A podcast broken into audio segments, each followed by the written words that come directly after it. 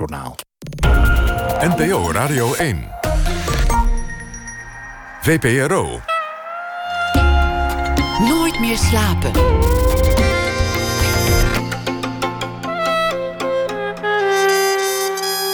Met Pieter van der Wielen.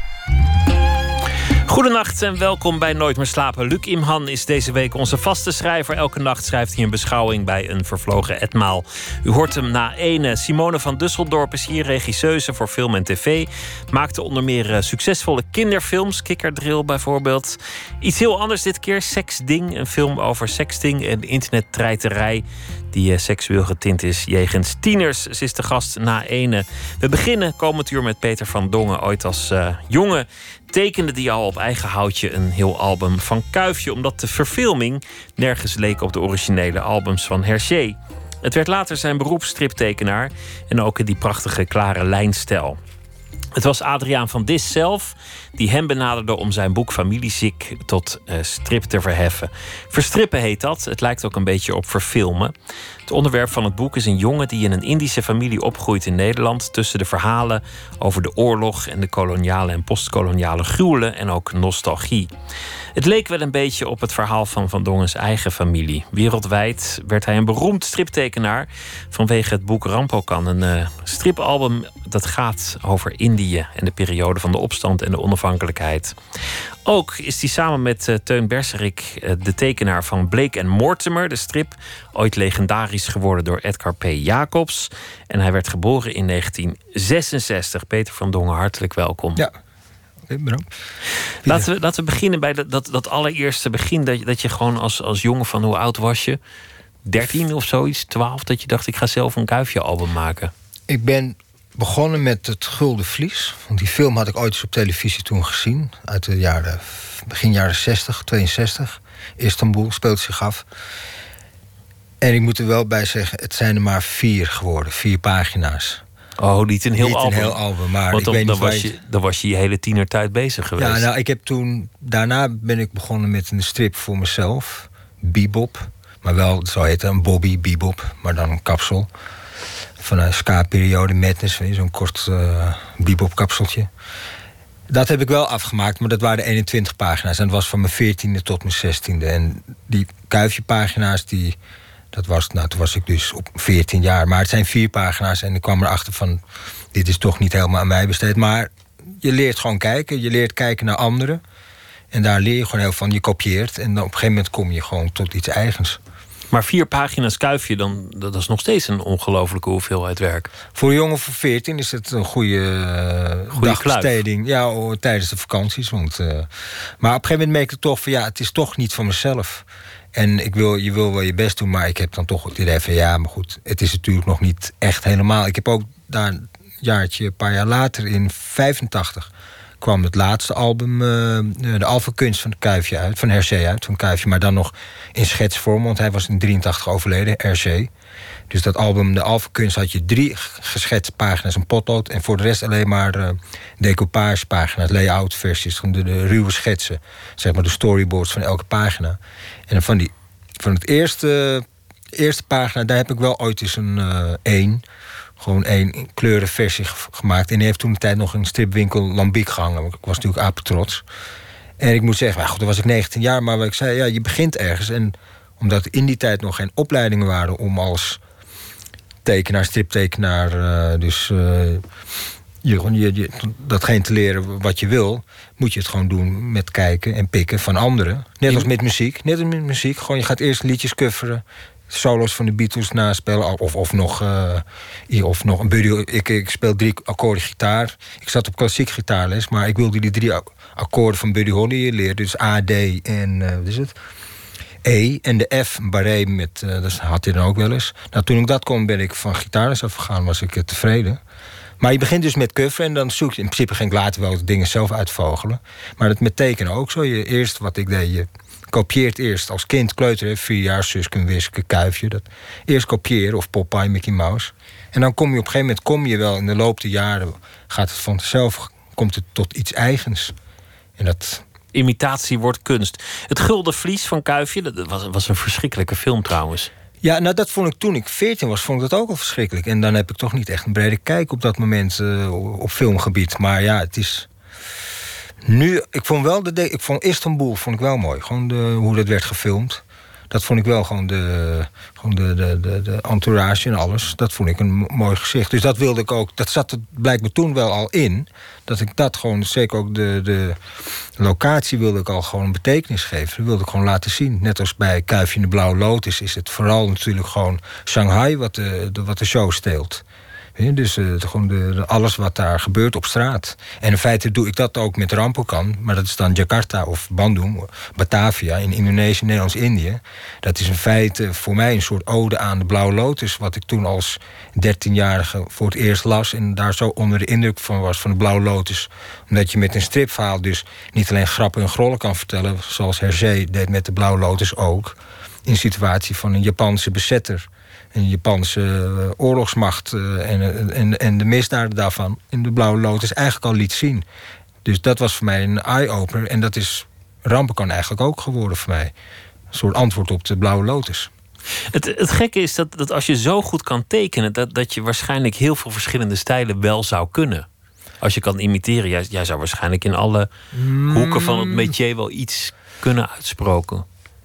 Ik heb wel ik ben begonnen dan als illustrator, om, om daar, daar leef ik dan van, van uh, zeker in het begin. En dan werd ik wel gevraagd, kun je in de stijl van die of die werken? Of dan een vriend tekenaar, Willem Vleeshouwer. Dat was toen de tijd in de jaren tachtig. Ik was toen pas 14, hij was al 30. Maar uh, ik ben bij hem op een gegeven moment gewoon op zijn studio gaan hangen. En dan kreeg ik wel eens van hem klusjes door waar hij geen tijd voor had. Maar dan moest het in zijn stijl. Of in de, en hij is meer in de stijl van Yves Jean of Guus Vlater. Wat los, meer Robodoes, wat losser. Dus in, begin, mijn beginperiode heb ik in, in, bijvoorbeeld in zijn stijl gewerkt, of, of uh, Maar ook voor Gerrit de Jager, die heeft mij van de familie Doorson in de tijd. Toen ik 22 was, heeft hij mij gevraagd of ik hem wilde assisteren voor. Uh, God, dat, God, nou, die twee keer hoop, hoop dan ben ik het even kwijt. Nou, of voor, bijvoorbeeld voor Bob, dat was voor de Bijenkorf een commerciële klus, had hij een boekje. Dat heb ik gewoon allemaal getekend. De achtergronden, maar ook Bob zelf, ook het figuurtjes heb ik ook getekend. Of voor, de, voor de SOA-stichting had hij dus, uh, dus uh, boekjes gemaakt. Die tekende ik allemaal in zijn stijl. Dus, dus in wat jij, in, inderdaad, en dat was voor mij eigenlijk, voor, ja, dat zal hij misschien niet leuk vinden om te horen, maar dat is met twee vingers in de neus. Dat kon je gewoon eventjes. Ja, dat is gewoon niet zo ingewikkeld. Maar het gaat ook niet of het ingewikkeld is. Het gaat gewoon om of je wel gewoon de, de feeling, de, de het gevoel kan vatten... wat Gerrit de Jager in zijn lijnvoering daar neerzet. Daar gaat het om natuurlijk. En blijkbaar lukte dat. Maar die, die klare lijn, dat is uiteindelijk... want zo heet het, dat, dat is uiteindelijk jouw stijl geworden. Kan ik dat was het altijd eigenlijk al. Vanaf jongs af aan. Al ben, sinds ik ben begonnen met op mijn vierde ben ik begonnen met tekenen in mijn herinnering, vijfde. En ik weet dat, en dat is altijd een klare lijn geweest. En dat is geïnspireerd altijd afgekeken van Suske en Wiske en Kuifje. Die boeken las ik. En ik weet het, het zoemende ei van Suske en Wiske en Vlucht 714 van Kuifje. Dat waren de albums die, ik me kan herinneren toen ik vijf, vier jaar was. Die ik las. Later ook Luke Luke en zo. Maar die klare lijn van die, van die twee Belgen, de, de Wallonier en een Vlaming dat was hetgeen wat mij altijd toch uh, bezig hield. En toen ik als illustrator... Voor mezelf maakte ik strips in klare, klare lijn. Muistheater, mijn debuut uit 1990. Het was een, is een klare lijnstrip. Maar om van te leven had ik natuurlijk commerciële opdrachten nodig. En dan deed ik andere stijlen. Maar op een gegeven moment heb ik voor het Scheepvaartmuseum... een affiche gemaakt in een klare lijnstijl. Want ze wilden eigenlijk Joost Zwarte, maar die had geen tijd. Of die kon, uiteindelijk waren ze bij mij terechtgekomen, via via. En in die klare lijn, dat was het, hetgeen wat ik altijd deed. Dus voor mij lag het helemaal niet ver weg. Dus eigenlijk vanaf dat moment ben ik ook voor commercieel werk ook altijd maar vanaf die tijd alleen nog maar een, klare lijn gaan blijven werken. Als je zegt klare lijn, dan, dan heeft iedereen meteen een, een beeld en een soort begrip van wat het is. Maar als je vervolgens probeert het te omschrijven, dan blijkt het toch ingewikkelder. Ik zou, ik zou het niet heel goed kunnen omschrijven wat nou de klare lijn precies is. ja, het, is een begrip dat uh, Joost Zwarte ooit, ooit heeft uh, gemunt. gemunt in 1978, geloof ik, bij een tentoonstelling in Rotterdam over de klare lijn. Ja, hij heeft dat op die manier. Ja, de klare lijn, dus een klare, of een, een lijn waar al het overbodige, alle opsmuk, is gewoon, uh, is weg. een soort helderheid essentie, gaat het over. Ja, het gaat om de essentie van de, hetgeen je wil laten zien. Dus het is eigenlijk heel Calvinistisch Hollands. Gewoon al het overbodige, alles heel strak en eh, netjes. En gewoon al het, de essentie van, van wat je wil vertellen... moet gewoon gevat worden in één beweging, in één lijn. Maar niet alleen de tekststijl. Het is ook bedoeld met het vertellen. Dus ook... ook uh, het kan ook heel druk zijn, een tekening, met veel detail... Maar op een bepaalde manier moet je toch zorgen dat er een balans is en dat er een helderheid blijft. En het is, ja, ik hou. Ik heb het niet zo op dat cliché kunst van het weglaten. Maar in dit geval is dat, kan je dat ook onder een klare lijn uh, natuurlijk uh, zetten. Maar de kunst van het weglaten, ik vind dat soms ook saai. Ik vind als het al te strak wordt en te klaar, ik vind het ook saai, want ik vind ook tekenen leuk.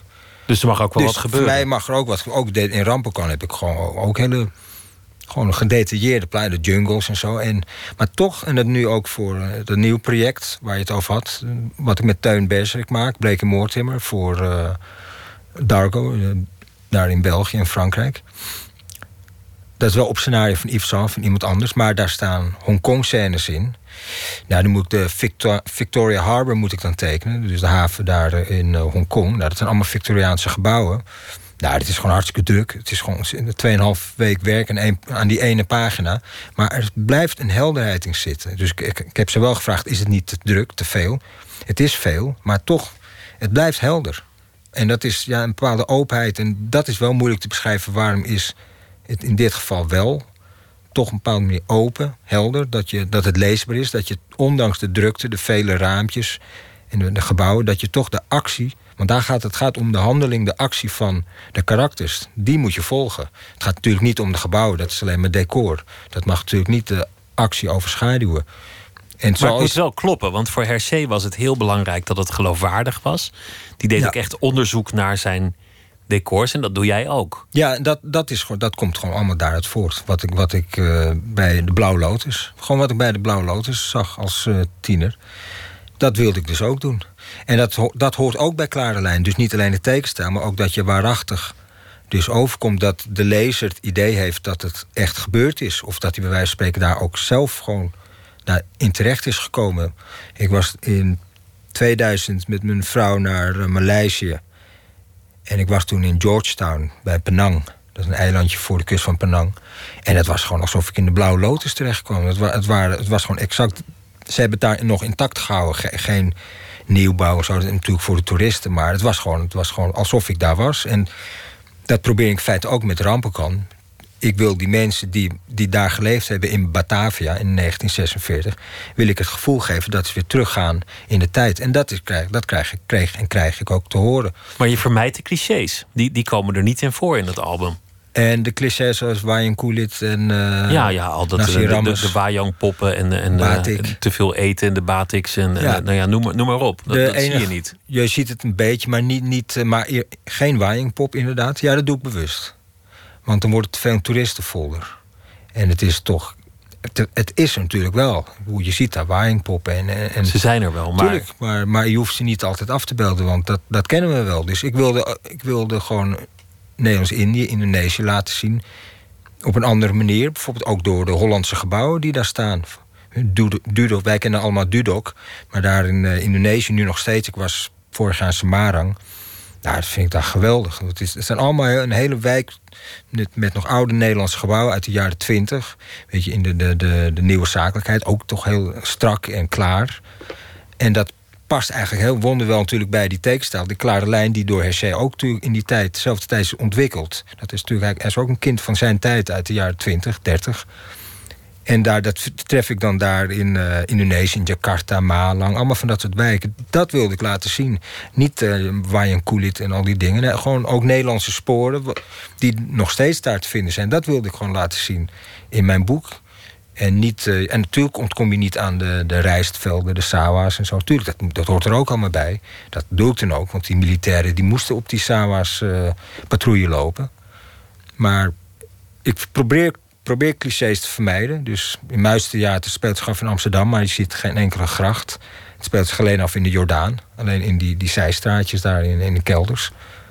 Dus uh, in de Willemstraat. Het moet niet te voor de hand liggend uh, worden. Het is, het is wel een mooi, mooie gedachte dat, dat je een, een album maakt over de koloniale tijd in de, in de stijl van Hergé.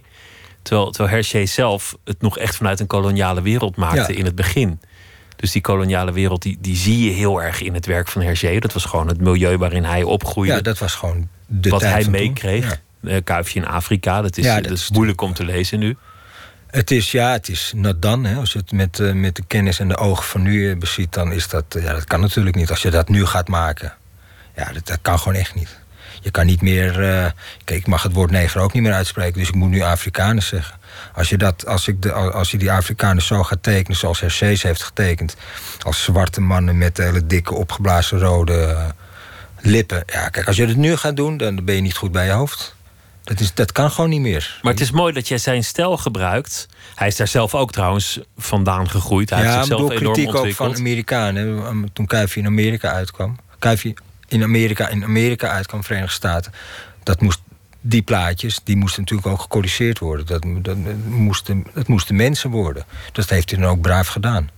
Maar jij gebruikt het eigenlijk om, om juist iets achter je te laten. Om, om iets op te lossen. Om, om, het, om dat verleden uh, weer te geven en te laten zien zoals het was.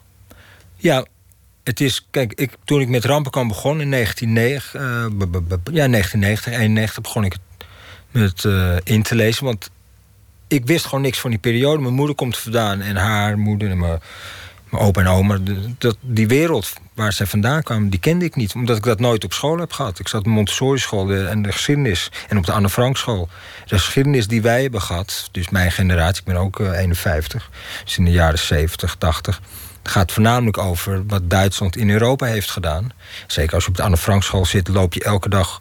Dat, het portret hangt er nog steeds. Mijn vrouw geeft nu les in hetzelfde lokaal waar ik toevallig dan ook heb gezeten. En dat portret van haar, waar Anne Frank met haar uh, armen over elkaar aan die tafel zit, met zo'n die kachel achter haar met die gaatjes. Die hangt er nog steeds, dat portret. Als kind loop je er altijd onderdoor. Je bent, je bent heel bewust van... Ik woonde in de buurt, oude jodenbuurt. En ons thuis hadden we, hebben we ook een onderduikhol gevonden... waar ze in de tijd hebben onderdook gezeten. Dus daar weet je alles over. Totdat je op het besef komt dat je... Op, en ik was toen al 23... dat ik eigenlijk helemaal niks wist van mijn moeder. Terwijl mijn moeder ook wel verhalen vertelde... dat de stad waar zij leefde ooit gebombardeerd was. Zij zei toen door de Nederlanders...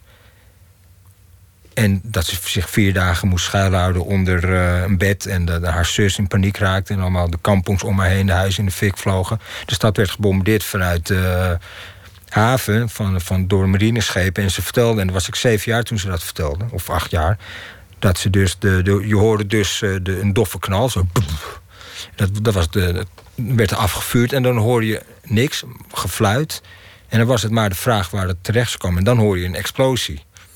En dat, was, dat is toen ik om mijn 23e na mijn debuut Muistheater aan een nieuw verhaal moest beginnen. Toen moest ik ineens aan die anekdote van mijn moeder denken. Die ik als zevenjarige gehoord had. En toen besefte ik me, maar ik weet helemaal niks van het hele land waar ze vandaan komt. En toen dacht ik meteen, nou dat is mijn onderwerp. Nu ga ik daar een, een boek over maken. Maar ja, goed, dan moet ik me eerst inlezen. En, en het heeft jaren geduurd, een paar, paar jaar. Maar tegelijkertijd leer je ook heel veel. Die ene anekdote maakt het al meteen ontzettend ingewikkeld gebombardeerd door de Nederlanders. En dat kwam, kwam ik dus. Want kijk, mijn moeder was toen ook. Dat was in 1950. En, en ik wist de datum nog. Ze zal het waarschijnlijk ook wel eens later verteld hebben. Want ze had het over, ik geloof 5 augustus 1950 begon het. En het heeft vier dagen geduurd. Ik kwam later, dus in mijn research, kwam ik dat geval, dat incident tegen. Of, uh, of dat bombardement. Het was door de Indonesiërs. Want ik, ik dacht, dat klopt niet. Want de soevereiniteit, overdracht, is aan Indonesië gegeven in 1949. Ik dacht, de Nederlanders zullen echt niet in 1950 uh, Makassar plat bombarderen, want dan, had je, dan, dan had dat enorm gevolg gehad. Het waren de Indonesiërs zelf, de, de, de, de, de, Indonesische marine met uh, de vliegtuigen. En ze hadden het gemunt op de Ambonese militairen die op dat moment dus in doorgangskampen zaten. Dus Ambonezen die, die vochten voor het Koninklijk Nederlands-Indisch leger. Dus voor de Hollanders. Maar ja, dat, dus uh, Indonesië was onafhankelijk. Die Ambonezen die bleven daar zitten. Want de Nederlanders wisten niet wat ze moesten doen. Ze konden niet naar Ambon, want net toevallig, een paar maanden ervoor, op 25 april, was op Ambon de RMS uh, uitgeroepen. De onafhankelijke staat uh, Maluku, uh, is het? Zuid-Molukken. Ja, der Molukken, ja. Dus, dus, die, dus de Indonesische regering die wil natuurlijk niet die, die oud-knielmilitairen... die weigerden naar het Indonesische leger over te stappen... naar Ambon te sturen. dat ze daar naartoe mochten verkassen. Want ja, dat is te, dat, dat, dus ze bleven daar zitten. Dus op een gegeven moment is dat door die militairen liepen overal door de stad, ook de Ambonezen. Dus er kwamen schermutselingen tussen Indonesiërs en, en Ambonezen. En op een gegeven moment heeft dus de, Indonesische regering... of wie dat, dat, bevel ook heeft gegeven, dat weet ik niet... maar die schepen, dat waren Indonesiërs... die dus de Ambonezen in de kampen... maar ja, goed, de, de halve stad werd... of een groot gedeelte van die stad Makassar werd ook geraakt. En daar, mijn moeder zat daartussen. En het verhaal waarom de, de Ambonezen dan naar Nederland zijn gekomen daarna... dat komt onder andere, denk ik, door dat soort incidenten... dat ze konden geen kant op. En dat, zat, is dan, de klem dat, dat, dat wordt dan weer een ander verhaal. Want dan komen de Ambonezen hier in Nederland... en dan worden ze meteen ontslagen uit het leger. En dan, daar komt alle wrok natuurlijk... want ze zijn gewoon slecht behandeld door de Nederlandse regering. Weet je, meteen eh, van hun eer ontdaan. Meteen militair af. Maar ja, dus maar dat is het verhaal wat, wat mijn moeder dus vertelde. En dat komt ook als proloog, is dat in deel 2, Rampenkans Lebens, heb ik dat eh, ook meteen weergegeven. Was je moeder getraumatiseerd, denk je? Nou, kijk, zij heeft nooit. Zij was natuurlijk als kind, zij is in 1941 geboren, dus zij was jong. Maar goed, toen in 1950 was ze al negen jaar. Dus dan, je hebt gewoon herinnering. Dus dit is een herinnering van haar. Maar ik ben als, zeg maar, als eerste van, van dat gezin. Dus, dus zij is uh, in 1952 met haar twee zusjes en haar moeder. Die was weduwe, want mijn opa was uh, onthoofd door de Japanners. Was ook een kneelmilitair. Die was uh, geëxecuteerd. Een dag na de capitulatie. Dus op 16 augustus. Dus de capitulatie van Japan was 15 augustus en hij is een dag later uh, geëxecuteerd. Hoe kon dat? Waar, waarom werd hij een dag na de capitulatie nou, nog. Kijk, nog in mijn ogen, oren is het gewoon heel simpel. Je had wel telex, maar Manado, waar hij was gevangen gezet. Dus op Noord-Sulawesi. Dat ligt natuurlijk ontzettend ver van uh, Jakarta vandaan, waar net uh, Japan had uh, gecapituleerd. En ik, ik heb uiteindelijk uitgevonden dat daar op Nado, daar kwam de, de, dat, de kap, dat Japan had gecapituleerd, kwam pas de 24 augustus door. Dus hij stond gewoon op een lijst omdat hij wapens had achtergehouden. En daarom was hij gevangen gezet voor het geval geallieerden zouden komen. En het was een Indo, een knielmilitair, een Indo in Indische Nederlander. Met een kleurtje dus. Maar dat nieuwtje is gewoon te laat aangekomen. En ze stonden al op een lijst om uh, onthoofd te worden, blijkbaar. Want door rampen kan ja, ik wijd helemaal uit. Maar goed, breek me maar af als het te veel wordt. Nee, nee, dit vind ik, dit Kijk, een door, verhaal. Door Rampokan... Op een gegeven moment is Rampokan schetsboek uitgekomen. Heb ik dingen verteld over mijn oma... en hoe ze met, als weduwe met drie dochters in Nederland terechtkwam. Met een foto van aankomst op, in Rotterdam allemaal vrolijke gezichtjes. Eindelijk van die boot af, de Willem Ruis. Maar uh, we kregen een brief van een oude Chinese heer, meneer Tan. En die wist, die kende hem door dat interview wat hij dan had gelezen en de foto. Zei hij van, ik ken jouw moeder en ik ken jouw oma en de, jouw oudste zus. En jouw oma was nog zwanger, want kijk, mijn opa was dan ge, geïnterneerd en, en al die, die, die vrouwen en kinderen van geïnterneerde de mannen... Die, die vluchten allemaal de bergen in. Dat is wat mijn oma ooit wel eens een paar keer heeft verteld. Een paar keer dat ze verteld, dat ze de bergen in moest uh, vluchten... toen de Japanners daar kwamen. Dus zij hebben een tijd geleefd daar in de bergen... in dorp, bergdorpjes op Noord-Sulawesi. En daar liep die jongen, die meneer Tan, als 16-jarige jongen... zat ook in hetzelfde dorp en die kwam over de vloer bij mijn oma. En die vertelde dus op een gegeven moment van... ja, dat uh, mijn moeder was dan twee jaar of zo... en uh, hij vertelde dat een, dat een verhaal er rondging dat er dus mijn opa was geëxecuteerd. Hij had wapens achtergehouden en dat was met een groep. En de informatie is losgekomen waarschijnlijk door, uh, door dat ze iemand hadden gemarteld. Uh, de Kempatei, de Japanse geheime dienst, politie. En het geval wil dat dus, deze meneer Tan vertelde... dat een Indonesisch bewaker in het kamp naar die groep mannen kwam. Dus waar mijn opa ook onderdeel van. Het was allemaal in zijn put gevonden, die wapens. Die zei dan tegen hun van... als ik kom de volgende keer kom met, met de woorden van ga je patjol halen. En een patjol, dat is zo'n, uh, god, ik weet, dat is zo'n schep waar je in de sawa's gewoon in hakt in de grond. Waar je geulen maakt. Hoe noem je dat? Zo'n. Uh, nou ja, goed, het heeft zo'n T-vormachtig. Uh, ik ben even het woord. Een sikkel? Nee, nee, geen sikkel. Gewoon echt zo'n zo'n zo'n zo'n schep. Zo'n hakschep. Oké, okay, ja. Hoe heet dat ding? Ik weet niet, ik weet niet hoe het ja, heet. Het heeft een, het een Nee, ook niet eens. Gewoon, het is plat. Het is gewoon, maar in ieder geval ga je patjol halen. Maar dat betekent dat je, als je dat moet doen, dat je eigen graf moet delven. En toen hij zei: als, als ik dat de volgende keer aan jullie kon vertellen, weet dat je dan maakt dat je wegkomt. En dit was een Indonesiër. Dus in principe die werkt voor de Japanners. Dus hij, hij wilde hun helpen. En is, hij kwam dus op, op een gegeven moment met, uh, met die uitspraak: ga je patjol halen. En er is dus één figuur geweest die heeft dus uh, zich verstopt in een boom, een waringenboom. En dat zijn van die enorme grote Aziatische wortel, luchtwortelbomen. En daar, daar, daar kan je je makkelijk in verstoppen. En die anderen, die zijn allemaal vervolgens gewoon blijven zitten, hebben niks ondernomen en die zijn onthoofd. Alleen één, één man heeft het dus overleefd. En die meneer Tan zei waarschijnlijk omdat al die andere mannen, zoals mijn opa, die hadden vrouwen en kinderen, die hadden alles te verliezen. Terwijl deze jongen, en dit was een jonge jongen en die heette Woi Sang. En die heeft, had niks, was gewoon single, was gewoon een jonge jongen, vrijgezel. Die had niks te verliezen. Dus die, die is gewoon in een body, heeft zich verstopt. En hij heeft het geluk gehad dat Japan al gecapituleerd was. Dat wisten ze toen nog niet. Dus na een week waarschijnlijk, dat is dan mijn idee... ja, krijgt het te horen, dan is duidelijk dat Japan gecapituleerd heeft. En dan kon hij, kon hij, is hij tevoorschijn gekomen. Want als dat niet het geval was, ja, hoe kan je nou een maand of langer in een boom je leven dus houden? Dus jouw opa heeft, heeft het nipt niet overleefd? Een dag na, de, de, nee, sterfde dag ook van Elvis. Het, maakt niet, het is een onzin, maar hij had ook zo'n kuif, mijn opa. Als ik de oude foto's zie. 16 augustus. Is, je, is jouw moeder. Um, want, oh ja, nee, je had het over het trauma. Ja, want. Even, want, want ik wil. Dat was. Dus mijn moeder was in 1994 voor het eerst daar naar uh, Indonesië. In dat huis waar ze ook dus onder het bed hadden gelegen. Want daar woonde dus nog een kennis. En mijn moeder vertelde dus toen dat die vrouw, dat ze die herinnering waren aan het ophalen. En die kamer was dan daar, daar in het huis. En die vrouw nodigde haar uit van... nou, ga maar kijken in, in, die kamer... waar jij toen vier dagen onder het bed hebt gelegen.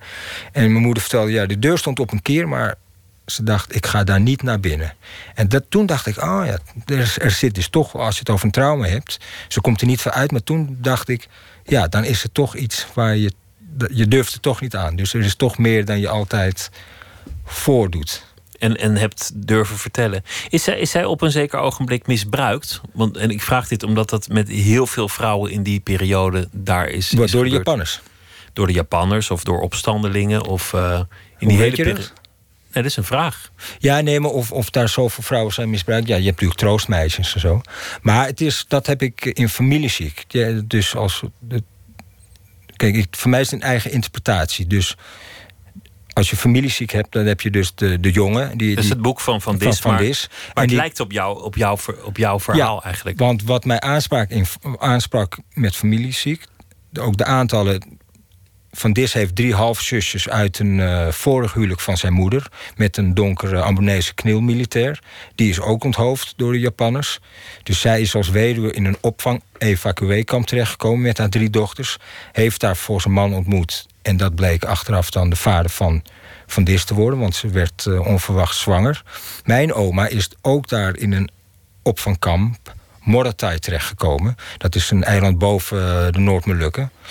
Uh, en zij was dan als met drie dochters. En, en daar heeft mijn moeder op een gegeven moment toen met rampenkamp begon en dat was in 1990, toen vertelde ik erover. Dus zei ze al, ja, pas maar op uh, als je iets over verkeers over zegt. Uh, want het, uh, straks krijgen ze allemaal achter je aan. Dat was, ik weet niet of het echt gemeend was. Maar op een gegeven moment vertelde ze dat zij in dat opvangkamp in Moratai... en dat, daar heb, heb, ik ooit één foto gezien. Dat is allemaal met van die, van die loodsen. En dat heb ik ook bewerkt dan in familieziek. Heeft zij een ballonnenverkoper, een vlaggenverkoper... heeft, heeft zij ja, die verkocht haar vlaggen. En toen heeft haar meegelokt het oerwoud in. Dat vertelde ze. Dus ze ging dus met hem mee het oerwoud in. Want Mordechai is gewoon een tropisch eiland. En daar, daar is zij dus misbruikt door, door die vent. Want ja, hij had daar een vlaggetje beloofd. En dan, als, om het heel plastisch te vertellen, zei ze van op een gegeven moment ging hij onder mijn rokje met zijn hand in mijn broek. En daarna is het uh, broekje en daarna is het zwart. Dat is haar herinnering. En de volgende herinnering die ze dan heeft, dat ze wakker werd in een hospitaalbed, in een tent daar op het eiland, met haar moeder en artsen om het bed. En ze waren allemaal bedrukt en zorgelijk. Maar ze zeiden: Het is allemaal goed, er is niks aan de hand. Je hebt een blaasontsteking. Want het geval wilde, want ze bloeden van onderen. Er is niks, je hebt een blaasontsteking. Maar mijn moeder heeft het altijd, heeft het nooit aan mijn vader verteld, heeft er niemand verteld. Totdat ik ineens met het idee kwam: ja, ik ga een verhaal maken over jouw geboorteland. En toen, toen was aan mij de eerste in die. Nou, oud was het toen? Het was 1991, was 1991, 1990. Toen eindelijk na, na, na 40 jaar durfde ze, heeft ze dat aan mij verteld. Dus in die zin, ja, kijk, of, of ze, ze is sowieso misbruikt. Want die vent is met haar hand, met zijn hand, onder haar rok gegaan. Maar verder weet ze het gewoon niet. Ze is gewoon blacked. Ze is gewoon blacked out. Het is gewoon zwart geworden. Maar kijk, voor ons is het een optelsommetje. Als je in een ziekenhuisbed wakker wordt en je bloed van onderen, dan denken wij meteen ja. En iedereen, uh, weet je. Kijk, je weet nooit hoe het geheugen werkt, maar ze is sowieso misbruikt. Wat, wat er precies is gebeurd, dat, dat weet ik niet, want zij weet het ook niet. Maar die scène komt bijna één op één voor in het, in het album, gebaseerd op het boek van, van Met familieziek, ik wilde het gewoon allemaal zelf doen. Van Dis had wel voorgesteld een, een, synopsis te schrijven. Dat hij alvast de keuze zou maken van uh, dan wordt het zus en zo. Maar ik zei dat doe ik, dat doe ik gewoon allemaal zelf. Want ik wil natuurlijk mijn familieverhaal ik had het al over de aantallen onthoofding van mijn opa, dus de, vader van mijn moeder, drie zusjes en drie uh, dochters. En de, de onthoofding van de vader van de halfzusjes van, van Dis. Dat komt, dus ik wilde dat gewoon, was in, technisch gezien inwisselbaar. Dus ik had dit er ook in verwerkt, maar van Dis zei toen, want dan nog met andere dingen zei hij: nee, dat is te veel een familieverhaal van jouzelf. Niet over het misbruikgeval, want dat wist hij toen nog niet maar over andere dingen. Dus hij zei geen familiefalen van jezelf. Dat, doe je, dat behoud je voor je eigen falen. Je moet de familieziek, wat de familiefalen betreft, gewoon strikt houden bij zijn familie. Maar die, die, eh, die, bloemen, eh, die bloemen, die ballonnenverkoper en die en vlaggetjes daar, die heb ik natuurlijk wel in verwerkt. Want dat geeft ook aan, ja, hij verkoopt daar vlaggetjes met de Nederlandse vlag. En dus dan wil ik ook laten zien, het is zogenaamd bevrijding. Het is een opvangkamp, maar ja, we zijn bevrijd door de geallieerden. Japan heeft gecapituleerd, dus je moet ook als beeld maken. Je moet ook niet alleen woordelijk, maar ook, ook in beeld laten zien... ja, we zijn vrij. Niet, we zijn vrolijk, we zijn, we zijn vrolijk. Terwijl gewoon een opstand was begonnen tegen de, van de Indonesiërs tegen de Nederlanders. Maar daarom zaten ze in die kampen, omdat het niet veilig was voor de Nederlanders... om, of de Indo's ook, buiten de kampen te zijn. Maar in ieder geval, maar voor mij is die boek... Uh, die, die uh, ballonnenverkoper, is natuurlijk verteld voor mij is dat veel meer. Want... Maar die, die twee verhalen liggen zo dicht bij elkaar. Er zijn zoveel raakvlakken tussen het, het verhaal van Van Dis en zijn familie. En wat jij nu vertelt over jouw familie. Zoveel overeenkomsten. Ja, maar daarom heb ik dat boek. Kijk, ik ben niet. Ik ben wat vaker gevraagd om. Uh, ik ben nou, begin door uh, bezig bij toen. Gevraagd of ik de Max Havelaar uh, wilde verstrippen, zoals het dan heette. Maar allemaal in navolging van Dick Matenaars avonden, de avonden. En daar had ik geen... Ik zei, nou, dat doe ik niet, vind ik te ingewikkeld. Maar ik had dan wel oren naar misschien als ik dan de stille kracht... dat vind ik, wat, vind ik mooier om dat te doen. En ik ben wel eens een keertje voor een verhaal met Thomas Ros... vroeg mij eens iets te doen de juwelen van Nadra. Ik ben het vergeten, het is alweer meer dan tien jaar geleden. Maar dat heb ik nooit gedaan. Maar toen familieziek, met AD van Dis kwam met familieziek. Toen dacht ik van, uh, dit ga ik doen. Maar dat heeft ook te maken... Ik was daarvoor al bezig naar Rampenkan. Dus twee jaar, drie jaar pauze, even tot adem op adem komen. En dan, ik was al begonnen aan een verhaal over een repatriantengezin... dat vanuit Nederlands-Indië met een figuur uit Rampenkan... dus in Den Haag, in Scheveningen terecht was gekomen in, een, in zo'n pension, in zo'n repatriantenhuis. En dan had ik allemaal schetsen van, eh, van een meisje die daar de hoofdrol in had. En die in de duinen speelt met een broertje in een bunker en zo. Ik had allemaal aan die schetsen gemaakt. Alleen toen werd ik zelf vader. En toen eh, was ik alles kwijt. Ik kon me niet meer focussen. Ik kon me gewoon niet. Het was gewoon. Ik werk thuis, weet je, met zo'n baby. Dat is allemaal heel mooi. Maar om me echt helemaal te focussen op een verhaal, dat was, was me gewoon te veel. Dus ik heb het gewoon. Ik had al een, bijna een contract bij uitgeverij Dupuis. Die wilde het al hebben in het Frans. Terwijl ik nog niks had getekend, alleen een paar schetsen en die synopsis had opgeschreven. Maar het lukte gewoon niet. Dus na een jaar heb ik het gewoon uh, laten zitten. En toen kwam Van Dis met, wil jij familieziek uh, doen?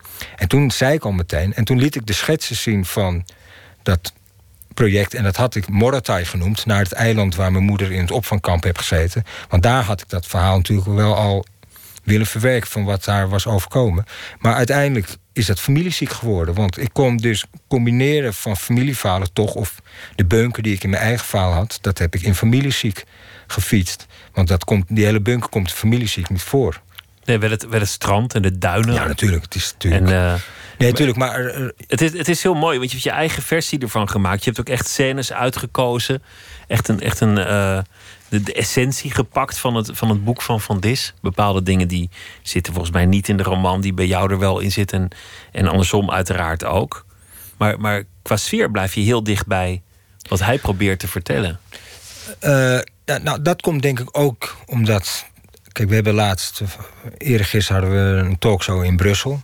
In het debatcentrum De Buren, Vlaams-Nederlands debatcentrum. En hij zegt dan ook, ja, hij heeft mij niet alleen gekozen voor mijn tekeningen, maar kijk, hij had mijn voorgeschiedenis natuurlijk ook wel gelezen. En we hebben, ook al schelen we 20 jaar, want hij is uit 46, ik ben uit 66.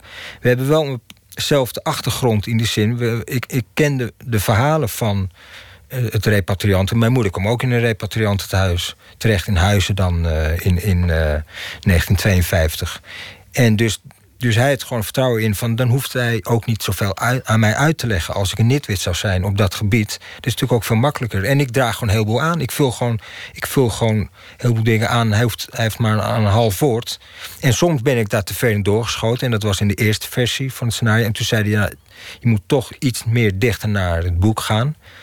En dat is vervolgens heeft dat geleid tot de proloog die nu in het boek is. Dat is in feite eigenlijk exact zoals het boek van Adria van Dis begint. Met het verhaal nog één keer waar de moeder haar koffer pakt. Want ze heeft genoeg van die man, meneer Java. En dat ze weg wil, maar die dochters houden haar tegen. Nou, goed, ik zal het nog één keer proberen. Dat was. Dat was dan uiteindelijk is dat in de tweede versie heb ik dat zo op zijn verzoek zo uitgeschetst. Want dat kon je ook zien als een soort proloog van oké, ik ga toch één keer proberen. En dan begint het verhaal. En dan ga ik ook, ook helemaal los. Dan begin ik met een duimbrand. Die komt helemaal niet in het boek voor. Het is gewoon dat, dat, hij steekt inderdaad, de jongen in het boek van Van Dis... steekt dat fotoalbum wel in de fik, in de duinen. Want hij is boos, hij is boos op op zijn omgeving. Want hij hoort er nooit bij. Het is een wit-roze varkentje. En hij wil eigenlijk bruin zijn, net als zijn halfzusjes. En hij kan niet meepraten, hij kan niet mee, hij oorlog, oorlog niet meegemaakt. Hij wil niets liever. zo staat het in het boek van Van Dis. Dus hij is boos. Dus, maar die duimbrand, ik dacht, ja, hij steekt het niet. Dus ik haal dat fotoalbum dat hij aan het einde dus in de fik steekt. Eerste instantie had ik hem dus dat laten doen in, de, in het koloniehuis. Dus de eerste versie was het koloniehuis afgefikt. Maar dat was te veel, too much. Dus toen dacht ik, nou, doe ik een duin. Dit is een duinbrand. Dus en met die bunker, dat is dan zijn toevluchtsoord. En dat, dat, zijn, dat zijn allemaal dingen die... En dat, dat is gewoon wat ik gewoon zelf verzin. En hij zei dan wel, ja, je mag van alles verzinnen. Je bent gewoon vrij. Zolang het in de context, zei hij letterlijk... van Nederland in de jaren 50 is. Maar dan, je bent dan heel vrij. En, en, en we kwamen dan wel natuurlijk om de vijf maanden kwamen bij elkaar om het scenario te bekijken. Dan had hij wel eens op een aanmerking over, nou dat begrijp ik niet. Maar in de meeste gevallen was het gewoon, ga door. Dus ga hij, hij, liet je, hij liet je vrij. Hij in zijn jeugd had altijd een verlangen naar die oorlog en een verlangen naar dat Indië en een verlangen naar die wereld waar hij niet over kon meepraten. Jij groeide eigenlijk ook op met een, een wereld die er wel was, maar tegelijk ook niet. Hoe, hoe Indisch was jouw jeugd? Want jij groeide op met je broer. Met, nou, ik heb meer en, broers. Je, je tweelingbroer en je, en je andere broer. Ja, en later komen nog, en dat is ook weer de toevallige omstandigheid. Later, mijn moeder is dan gescheiden toen ik zes was met mijn vader.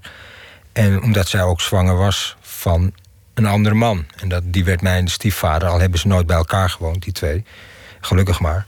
Maar in ieder geval, er is bij jou ook zo'n jonger broertje. Wat dan, en dat, dat dan is, eigenlijk Adriaan was. Want de, de heilige drie-eenheid, dat zijn dus Arnold, dus mijn oudste broer, eh, mijn tweelingbroer en ik. En Eddie. Maar die heeft dan wel het, dezelfde kleur als wij. Maar dat is toch een jong, die is, dat is een nakomeling, die is zes jaar jonger dan ik. En, en, nog, nog, en, en acht jaar jonger dan de oudste. Dus die moet ook opboksen tegen die drie jongens die al in bandjes zitten en, en muziek maken en weet ik het allemaal op school. En die twee later nog met Lois Lane en weet ik wat allemaal. Ik ben toen, was toen gestopt op mijn 19. Jij drumde, je broer Arnold, die, die, die speelt gitaar, fantastische gitarist. Die zit bij Marco Borsato. Nu, nu, ja, ja. Daarvoor bij Treintje en daarvoor bij Lois Lane. Ja, eerst het Lange. En, en mijn tweede broer en Arnold die speelde begin jaren negentig in, bij uh, Lois Lane. En het was toen echt een Indo-bandje. Zeker toen de, de, de, de drummer Evelyn Karels, dat zij was ook Indisch. Toen waren het allemaal Indo's. Dus als je was op concerten, zag je ook de halve Molukse wijk was ook uitgerukt om, uh, om, om zichzelf te herkennen op, met die gasten die daar op het podium staan. Zo'n soort erkenning van wij doen het toe. Dat speelt allemaal mee.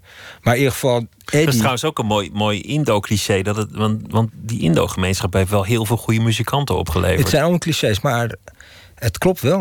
Het is wel waar. Als het begint bij de Tillman Brothers, nou niet eens. En al die andere. Uh, de Blue Diamonds. Ja, al, al die gasten die. Ja, dat, kijk, daar in Indonesië ontvingen ze al veel eerder Amerikaanse radiozenders of van, vanuit Australië. Dus die hoorden al veel eerder Chuck Berry en dat soort gasten. Dus die Tillman Brothers, ja, die, die kopieerden dat. Maar die hadden ook weer een eigen swoon van wat zij, eh, Javaanse gamelan of een feel. En ze hadden weer een andere touch dan, dan Amerikanen. Dus, maar het waren wel maar voor die tijd allemaal vingervlugge. Uh, maar in die, dat, is dan, dat is dan alvast een Indo-cliché. Maar verder zeg je, was het helemaal geen Indo-jeugd. Nee, was het er eigenlijk niet? Nee, kijk, Nee, kijk, mijn, mijn, moeder was met mijn vader dan, tot, totdat ik zes was. En dat, wat ik me daarvan kan herinneren is... en als je dan de oude zwart-wit foto's bekijkt... gewoon echt typisch jaren zestig inrichtingen. Zo'n meubelwand, bruin, hout en uh, van die uh, rieten stoelen. En ik kan me dan alleen wel wat van die uh, bustebeeldjes... van die Javaanse bevallige dames herinneren op, op, een, op een kastje... of misschien een Chinees beeldje. Het was mijn oma dan die daar echt als ze bij haar kwamen, dan was het Indisch, de clichés van het Indische eten en het, eh, de families die dan, dan samen zijn. Want toen zij wegviel, toen ze overleed, mijn oma, was dat ook gestopt. Want haar kinderen, haar drie dochters, zijn allemaal getrouwd met blanke, witte Nederlanders. Waar mijn oma natuurlijk ontzettend trots op was. Want ze hadden een grote auto, een stropdas. Dus haar dochters heeft ze gewoon goed in de wereld in gezet. de wereld gezet. Maar mijn, kijk, mijn, mijn uh, moeder, die, ja, die scheidde dan van mijn uh, vader, die, die uh, net een man met stropdas en grote auto. En die kwam met een, een langharig hippietuig daarvoor in de plaats. Die haar ook nog had bezwangerd. Weet je? Dus, die, en hij, mijn stiefvader, en er zijn ook hele verkeerde kant aan hem. Het is ook gelukkig over nu, maar die hij is degene geweest, in mijn beleving dan... hij bracht Azië terug in het leven van mijn moeder. Want hij was een oude hippieganger. Tenminste, toen was hij nog jong, 24. Die ging naar India, naar, naar, naar Indonesië al in de jaren 60, begin jaren 70. Nou, toen kwam hij bij ons in het leven. Hij nam allemaal beeldjes, kleden, eten, eh, Aziatisch eten, kookte hij vaak. En hij stimuleerde mijn moeder ook ook uit eigen belang, want hij, hij vertrok dan, elk half jaar vertrok hij weer voor een half jaar naar India of weet veel wat waar. Ook toen zelfs zijn zoontje was geboren, was hij al na drie maanden was hij alweer vertrokken naar, voor een half jaar. Maar uh, hij bracht toch dus en de muziek, gewoon de Small Faces, de Beatles, al die dingen, heeft hij toch in, in, in ons huis gebracht. Mijn vader was van de klassieke muziek. Dus met Arnold en zo, en, en, en de eerste reggae. Dat was dan niet Bob Marley, maar uh, Sam en, en Dave en Ansel Collins met Double Barrel. Je, dat soort platen, dat bracht hij in. En ook dus dat Aziatische. En mijn moeder heeft dat. En ook de vrijheid van ga maar uh, reizen, ook uit eigen belang, wat ik daarnet zei. Want als mijn moeder nam ons mee dan naar Marokko zes weken in een busje, kon hij in zijn eentje naar India. Dus dat is ook. Uh... Had hij ook zijn eigen vrijheid. Maar jij, jij, was waarschijnlijk wel in de ogen van de mensen om je heen ja. in, in Indo. Want, want, want je Chinees. Pinda pinda. Pinda pinda. En uh, stink Chinees. Maar dat. Dat zijn niet heel aardige termen. Nee, maar, dat, nee, maar kijk, weet je, dat zijn gewoon jongens van de straat onderling. Ik ben in Amsterdam Zuid opgegroeid, toch een vrij nette buurt, weet je, een rivierenbuurt. Maar toch jongetjes blijven jongetjes. Kijk, ik deed dat even goed ook bij kinderen die rood haar hadden. Die schold ik, uit, schold ik ook uit voor uh, vuurtoren of wat dan ook. Pas in 77, 76, de tijd van die kapingen, Molukse uh, treinkapingen.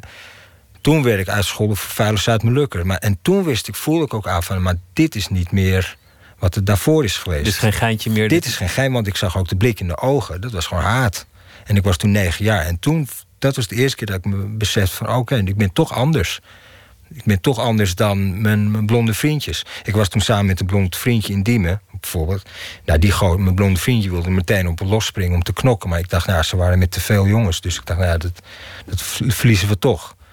Maar ik, tuurlijk, je zit er... En dat is tot nu toe nog steeds. En ik ben gewoon, gewoon Nederlands. Ik heb wel een kleurtje, ik heb een Indische achtergrond.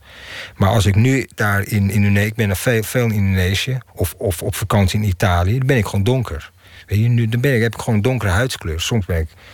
Nou, voor de Indonesiërs vinden ze mij al te donker. Want het, als je in Indonesië donker bent, is het natuurlijk niet goed. Je moet, dan ben je een landarbeider. Als je wit bent, dan ben je een kantoorklerk. En dan heb je status. In ieder geval, als ik daar in Indonesië ben of in Italië op vakantie, ik ben donker. Ik word altijd, krijg ik de vraag, ja, maar nee, nee, ja, Nederland, nee, maar waar kom je echt vandaan?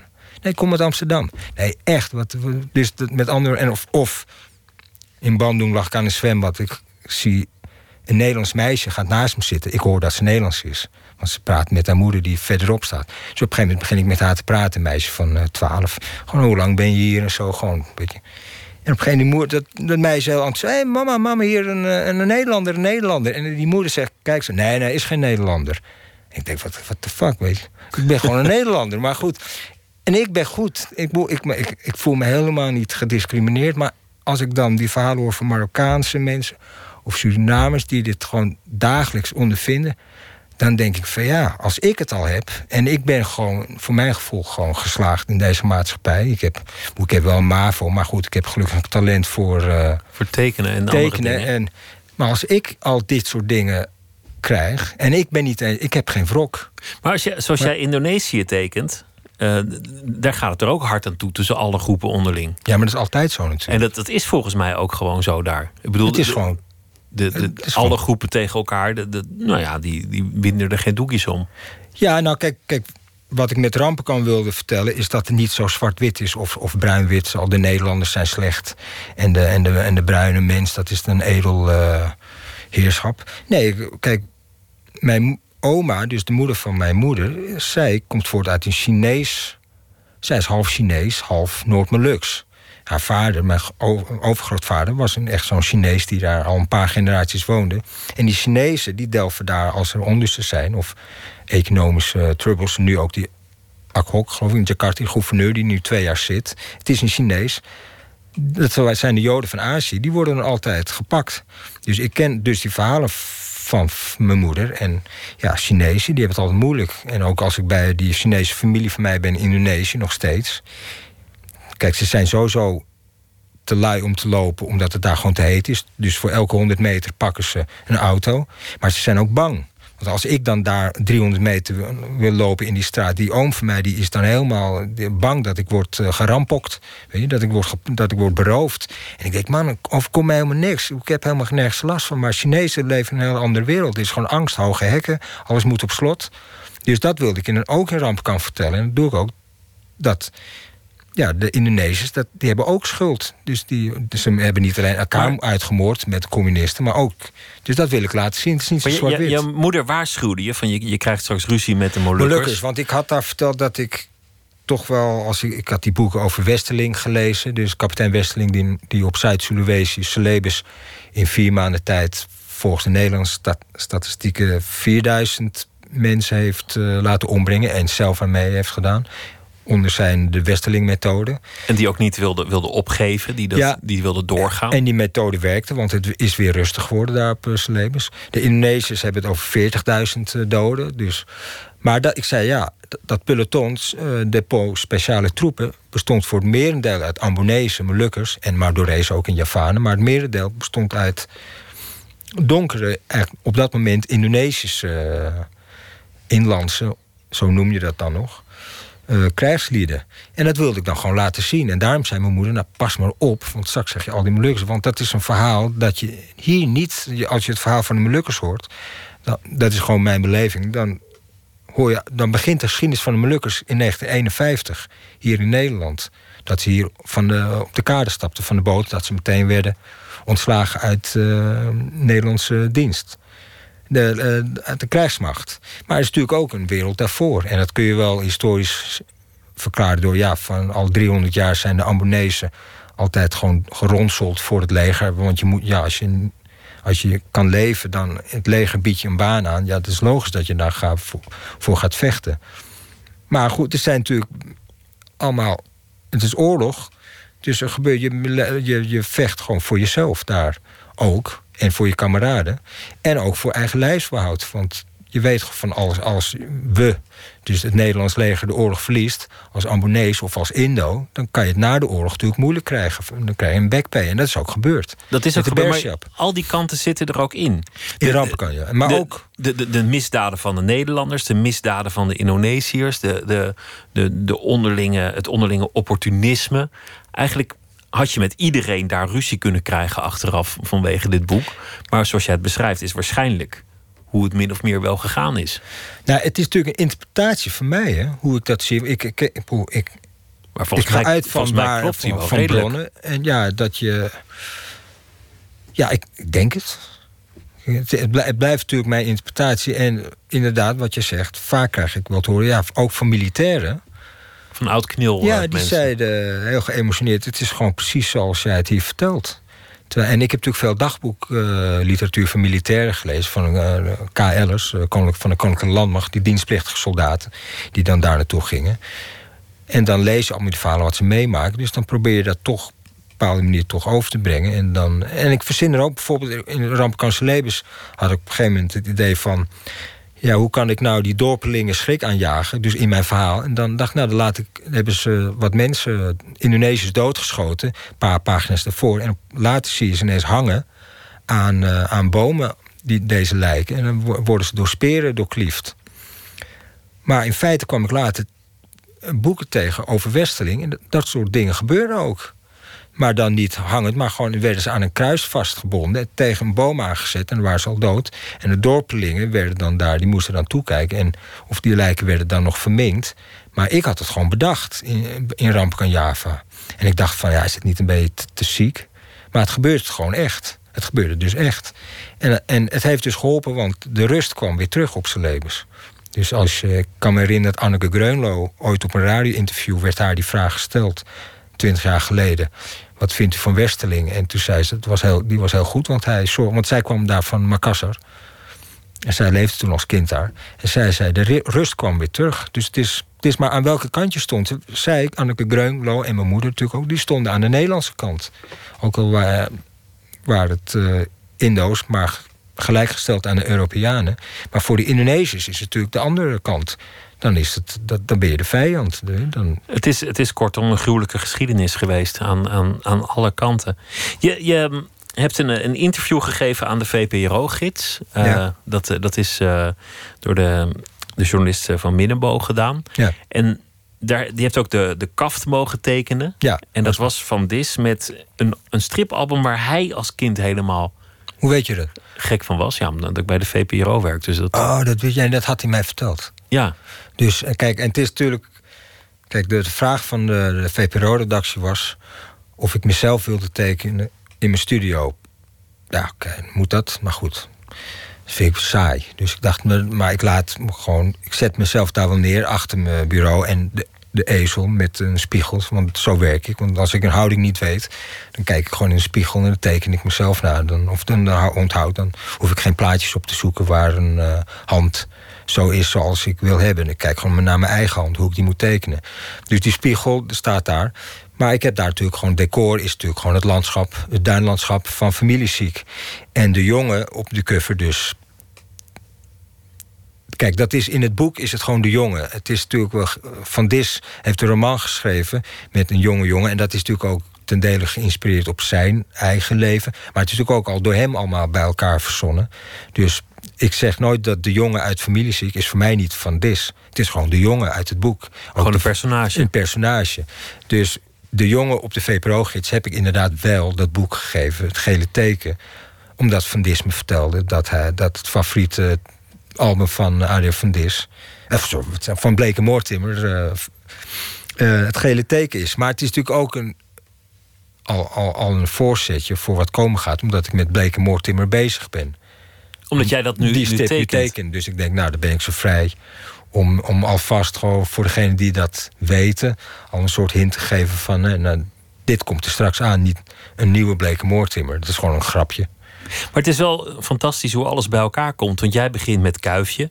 Blake en Mortimer werd, als ik het goed heb, voor het eerst in het tijdschrift Kuifje gepubliceerd in de jaren 40. Ja, ja, de zwaardvis. Wat zou het zijn? Het geheim van de zwaardvis. Geheim van de zwaardvis. En dat is wel grappig, want het eh, nieuwste deel... ik kan natuurlijk niet veel over vertellen... maar er komt op een gegeven moment een passage in vorm met een flashback... naar momenten uit de zwaardvis. Dus die heb ik...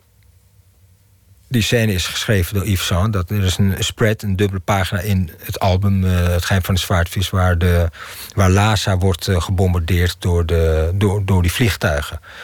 En dat moest opnieuw worden verteld, maar dan op één pagina. Dus die, die pagina heb ik getekend met de zwaardvissen. En de, de tempel die in fik vliegt op Lhasa. En eh, die, die, eh, die, god, die, die, die keizer, die dictator die dan daar... eh, Maar, maar dat heb ik getekend. En dat is net alsof je dan... dan besef je van dat als kind teken, eh, las ik die boeken. En nu teken ik dezelfde scène, maar dan vanuit een andere hoek. Maar het is dan alsof je, dat zei ik dan tegen Michael toen hij me. Dat, alsof je. Michael bij Minebo? de, ja, Michael Minebo, alsof je bij de Beatles een nummertje mee mag drummen. Want Hergé wilde dat nooit. Nee. Willy van der Steen wel. Eh, de, de makers van Blake en Mortimer zijn ook door, de, eh, doorgegaan na de dood van, eh, van Jacobs, de, de oorspronkelijke tekenaar. Ja. Maar hier in Nederland kan ik me voorstellen dat mensen denken: ja, Blake en Mortimer, waar hebben we het over? Ja. Ik denk, denk dat je in Frankrijk het hebt over een oplage van, nou, wat zal het zijn, een half miljoen? Ja, zoiets. Nou, ik, ons is verteld 400.000. Oh ja, oké, dat vind ik nog steeds een Maar mooi ik getal. kreeg laatst een eh, berichtje. toen vorig jaar de, een nieuw album verscheen. dat het een oplage had van 600.000. Dus eh, ja, dat zijn andere aantallen die, eh, die wij eh, Maar is gewend dus- zijn. Dat is in de stripwereld dus een, een, Maar het is- een reusachtige Het is een, ook gebeurtenis. voor hun. Ook, het is, dit is gewoon de cash cow voor Dargo. Dit, dit is gewoon hetgeen waar die hele uitgeverij op, op eh, drijft. En we waren daar, ik, Teun Berserik, Teun Berserik en ik, we waren daar dus afgelopen maandag, toen ik, eh, dinsdag toen ik in Brussel was voor familieziek. Meteen een afspraak geregeld bij de uitgever Dargo. Om ons, want onze platen staan nu in inkt, zijn klaar. Dus we moesten natuurlijk laten zien, eh, nu de originele, wat we hebben gemaakt. Dus, en toen zeiden ze ook van ja, we- ze willen meteen door en ze hebben ons al een nieuw album aangeboden. Dus, nou, want we zijn nu met het eerste deel bezig van een tweeluik. Dus dat, tweede deel moet in eh, juni 2019 af. Maar ze hebben nu ons al een nieuw scenario gegeven van Jean van Hamme. Het is een scenario schrijver daar in, eh, ik geloof een Belg, ook Frans. Dus ze willen ons echt gewoon behouden. En ik begrijp waarom. Het is natuurlijk van belang dat die uitgever Met zulke getallen kan ik me dat ook wel Ja. eh, voorstellen. Peter van Dongen, dankjewel dat je te gast wilde Ja. zijn... eh, naar aanleiding van het eh, album Familieziek... naar de roman van eh, Adriaan van Dis. En eh, we kijken uit ook naar de nieuwe Blake en Mortimer. Ja, dankjewel. dat is pas in oktober 2018. We kunnen wachten. Dankjewel. Ja, Oké, bedankt.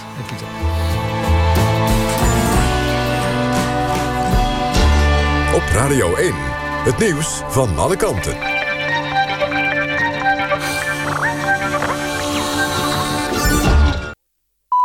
1 uur, Ewald de Jong met het NOS-journaal. Minister Bruins voor Medische Zorg wil dat zorginstellingen niet langer met een truc toch winst kunnen maken. Dat meldt het Financiële Dagblad.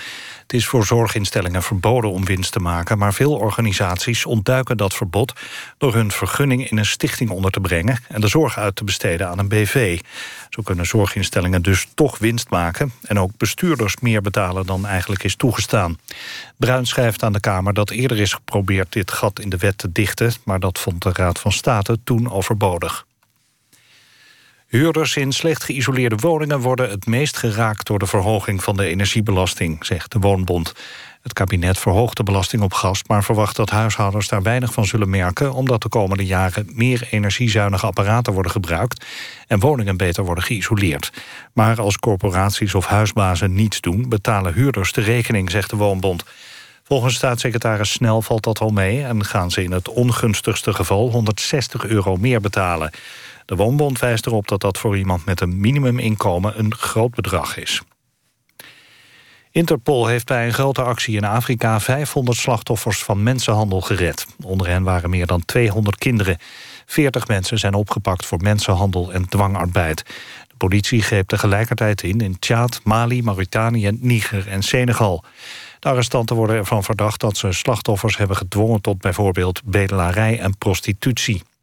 Hoewel het aantal migranten die naar Europa willen afneemt... zijn er in Afrika nog steeds veel mensenhandelaren actief. Vooral Libië is kwetsbaar, omdat dat land al tijden geen centraal gezag heeft.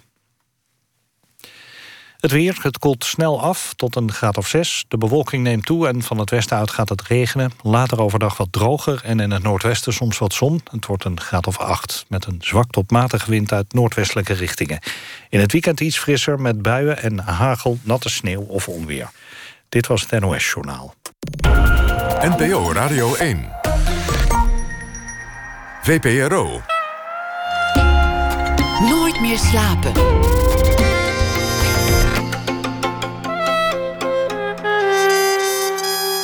Met Pieter van der Wielen.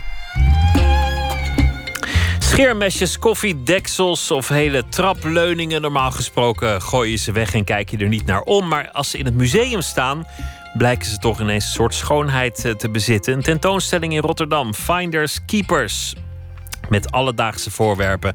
Zometeen een gesprek eh, over het waarom met de samenstellers. Simone van Dusseldorp is uh, hier te gast naar aanleiding van haar film Seks, Ding. En Luc Imhan die leest een verhaal bij het nieuws van de afgelopen dag.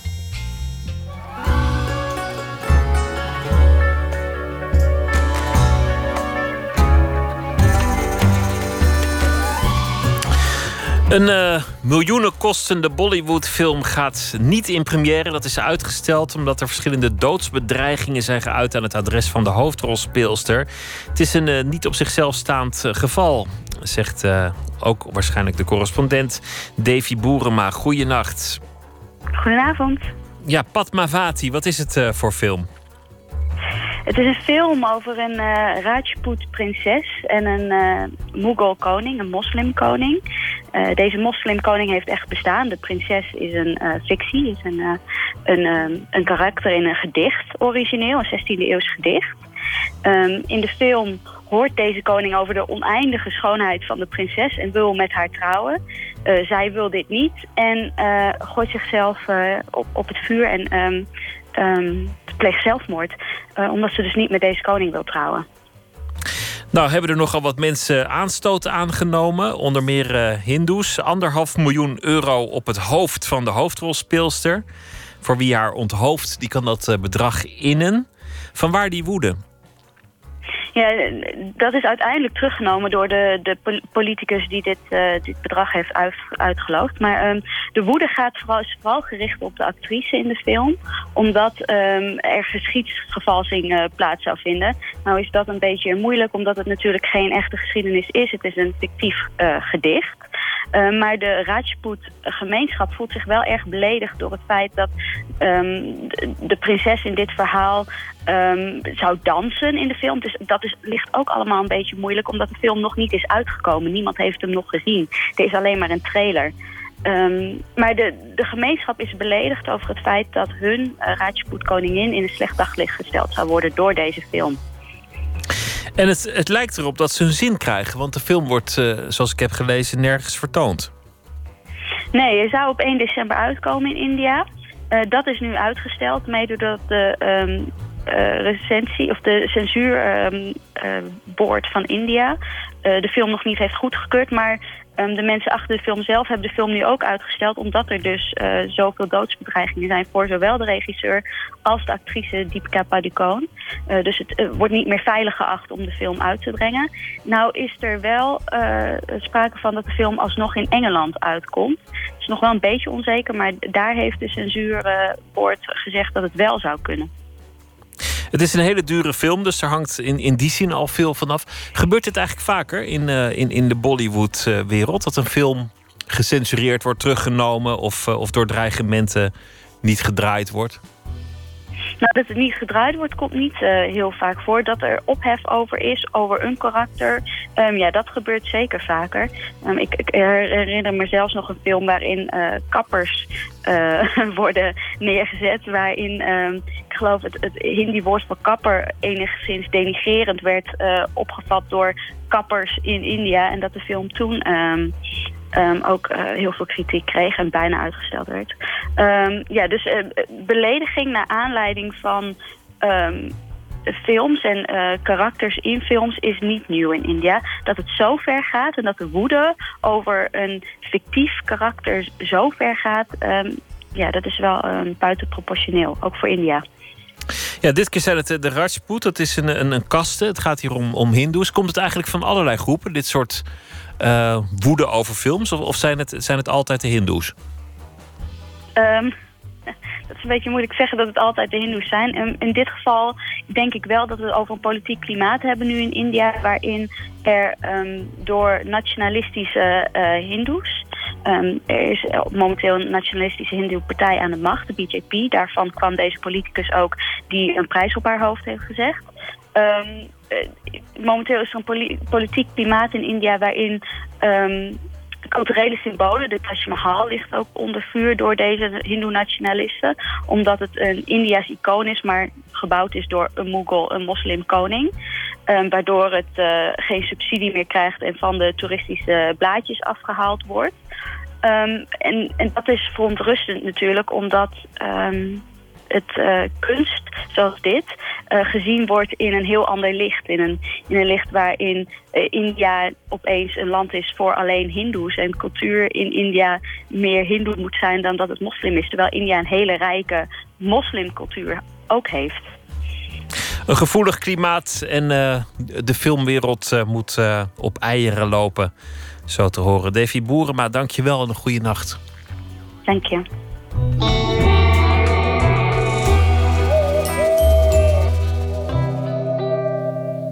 Een nieuwe film van de Italiaanse regisseur Luca Guadagnino. Call Me By Your Name heet hij met een uh, mooie soundtrack erbij. Ook dit nummer van Suf John Stevens, Mystery of Love, staat erop.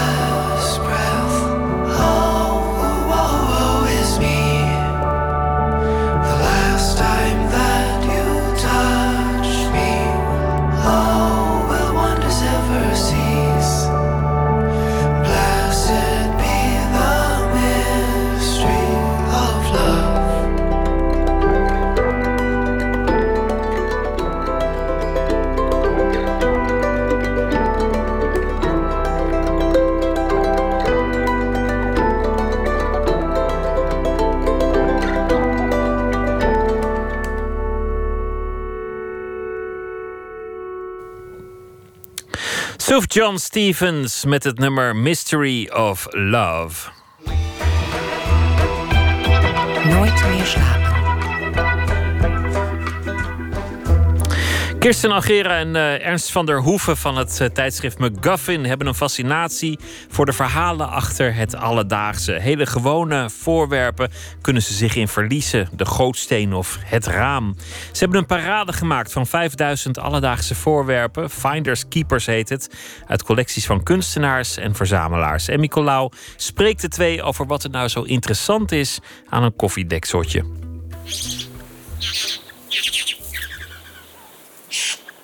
Dit is het geluid van de prieelvogel. De mannetjes maken met takjes kleine prielen die ze vervolgens versieren met verzamelingen gekleurde dingen. Bessen, bloemetjes, stukjes plastic. Dit alles natuurlijk om het vrouwtje over te halen tot paren. De tentoonstelling Finders Keepers opent met een serie video's over de prieelvogel. Alsof de makers maar willen zeggen: verzamelen zit in de natuur. Ja, ik denk het wel. Ik denk, uh, we hebben het uit laten zoeken. Ik geloof dat een derde van, van, van de mensheid echt serieus verzamelt. Ik dacht altijd dat ik een grote verzamelaar was. Maar als ik het nu vergelijk met sommige van de mensen die meedoen aan deze tentoonstelling, dan, ja, dan moet ik dat echt zeker relativeren. De benedenruimte van het nieuwe instituut is momenteel bedekt met wat bijna een landschap aan verzamelingen is. Verzamelingen doodnormale voorwerpen. Scheermesjes, bakstenen, vliegenmeppers, trapleuningen, kleerhangers. In keurige rijtjes liggen ze uitgestald in de ruimte. De voorwerpen zijn zo ordinair dat je ze normaal nog geen blikwaardig zou keuren. Maar door die museale context zijn ze opeens grappig. Neem bijvoorbeeld die kleine maar fijne collectie spatiebalken. Of blijken ze plots een heel eigen schoonheid te bezitten, zoals die plastic koffiedekseltjes. En deze onooglijk kleine houten krukjes, bastard chairs, bastaardstoeltjes worden ze genoemd, zijn toch eigenlijk wel ontroerend zo bij elkaar. Dit zijn allemaal kleine zelf gefabriceerde krukjes en stoeltjes uit Hongkong. En ehm, eh, die zien er allemaal heel krakmikkig uit, maar ze doen het toch. En die zijn verzameld door Michael Wolff. Ehm, en ik denk dat zo'n verzameling een heel mooi voorbeeld is van wat verzamelingen vaak zo interessant maakt. En namelijk als je ze alleen ziet, dan is het niet zoveel. Maar als je ze bij elkaar ziet, dan is het opeens een serie. Ehm, en dan wordt het bijna sociologie. Ja, misschien is het goed om te zeggen dat hij deze heeft verzameld in de back alleys van, van Hongkong. Dus echt de, de, de stegen in Hongkong. Dus je ziet eigenlijk is het een belichaming van het straatleven in, in China. Op een of andere manier ontroeren ze. Hoe kan dat? Ja, ze zijn bijna menselijk. Hè? Want je, je ziet gewoon hoe ze gemaakt zijn. En je ziet ook bijna degene die erop uh, heeft gezeten.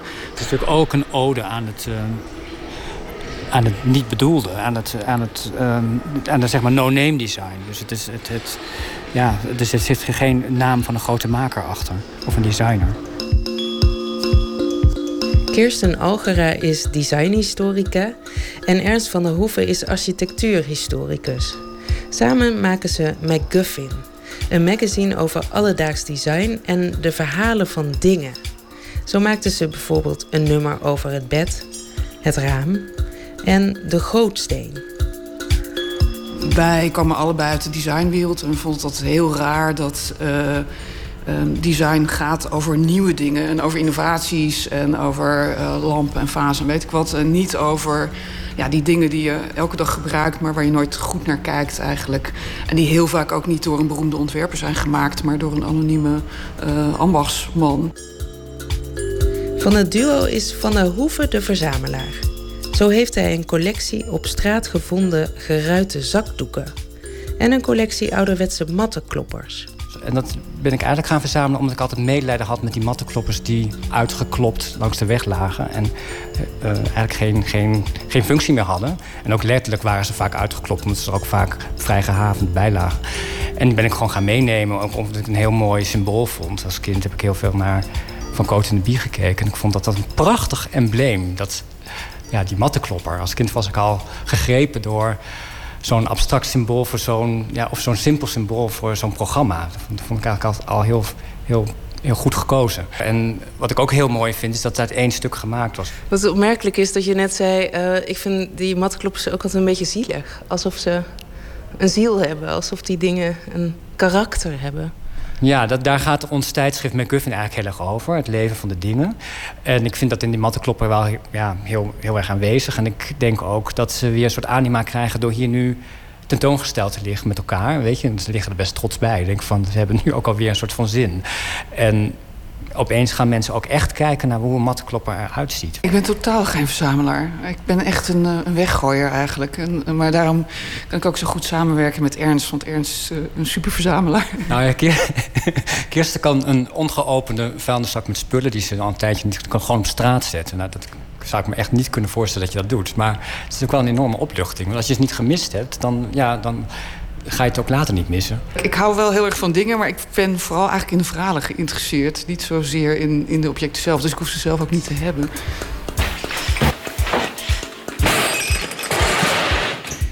Dat is wel echt zwaar. Op de tentoonstelling zijn de verhalen van de verzamelaars te zien in begeleidende video's. Kunstenares Ami Dikke vertelt er bijvoorbeeld in over haar collectie fietsbeldoppen dit vind ik een hele mooie. Maar wat ik eigenlijk het mooiste vind, hoe dit begonnen is... is dat ik op een gegeven moment fietste. Ik zag zo'n zo'n zo'n glimmende fietsbel op straat liggen. Ik dacht, oh, ik ga, die ga ik, op, op, ik ga hem oppakken. Maar hij zit in die straat verzonken. Hij zit vast. Hij was zoveel overheen gereden... dat hij eigenlijk zich vastgeslepen had in de straat. Dus het was net zo'n, weet je wel, zo'n zo'n vastgeplakte 50 cent of 5 cent. Je, je voelt je in de maling genomen. En dat zijn eigenlijk mijn favorieten. Dat is eigenlijk de verzameling die me heel dierbaar is. Die is onbedoeld tot stand gekomen. Niemand heeft daarover nagedacht. Het zijn een soort monumenten die, uh, van de terloopsheid en van het ongeluk. The collector.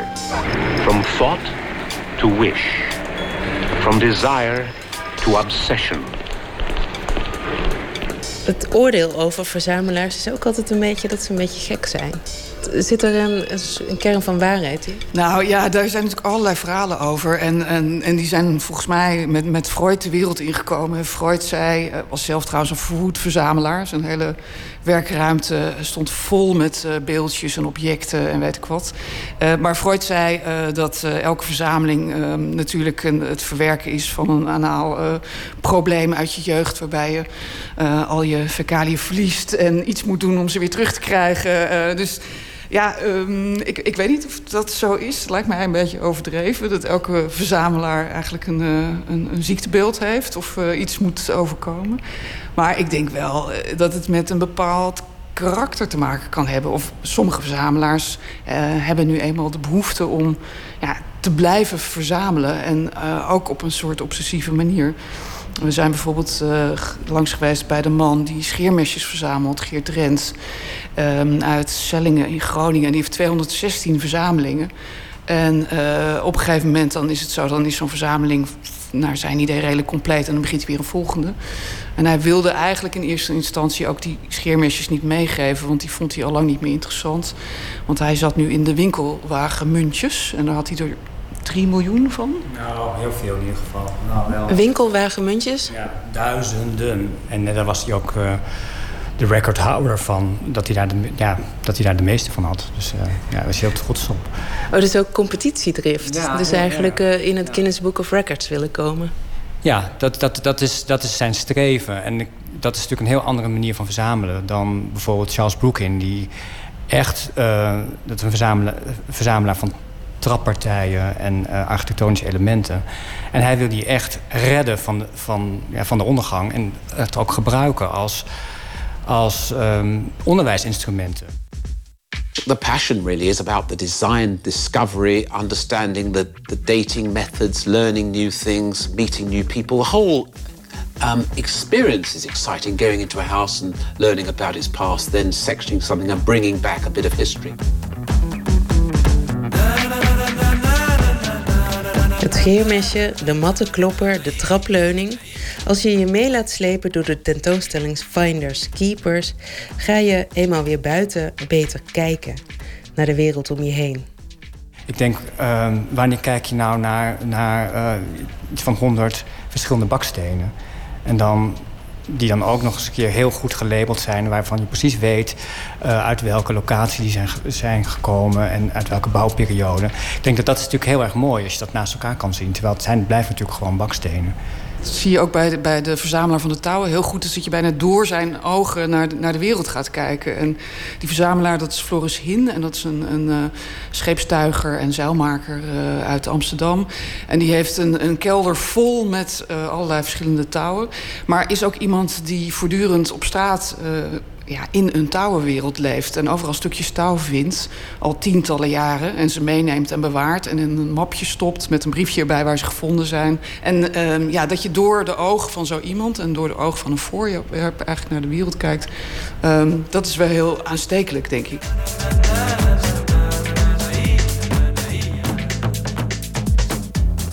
Kirsten Algera en Ernst van der Hoeven in gesprek met verslaggever Emmy Colau. Sunflower Bean met I Was a Fool.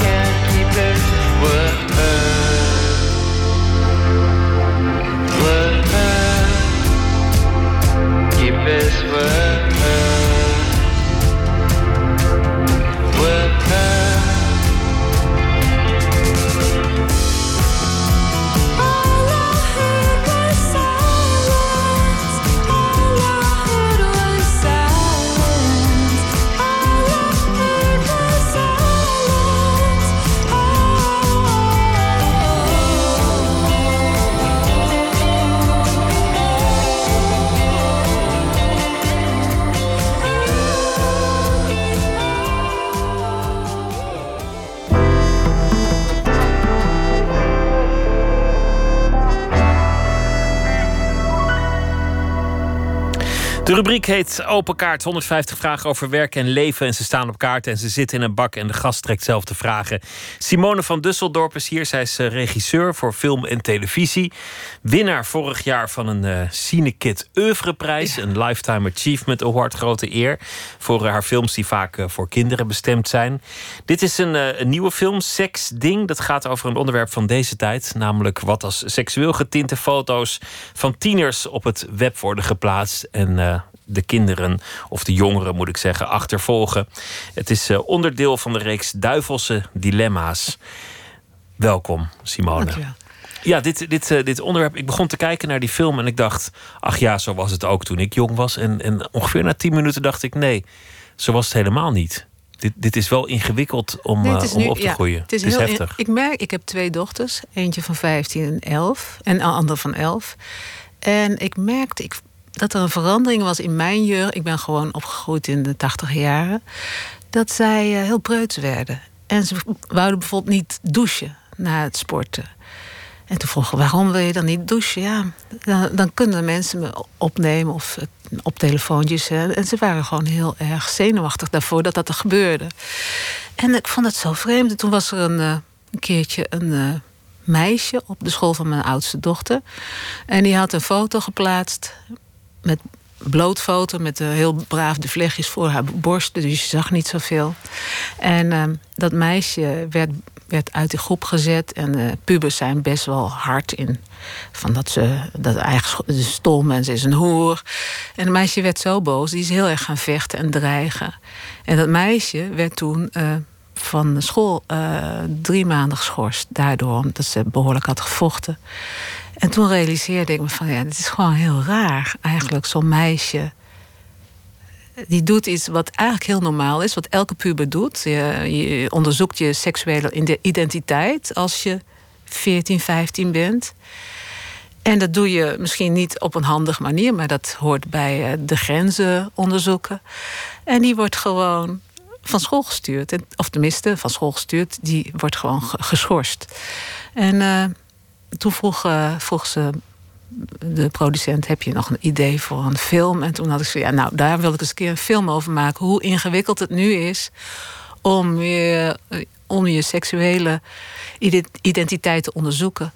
Uh, je kunt bijna geen fout maken, want alles wordt vastgelegd. En gedeeld. En, en gedeeld, ja. En je bent, bent wereldberoemd of wereldberucht ja. in, een, in een paar minuten. En juist op een leeftijd dat je, zo, dat je het zo belangrijk vindt wat mensen van je vinden. En je bent, je, ja, je bent aan het onderzoeken wat je bent. Ja, ik vond het heel. Ik denk dat de jongeren het nu veel moeilijker hebben.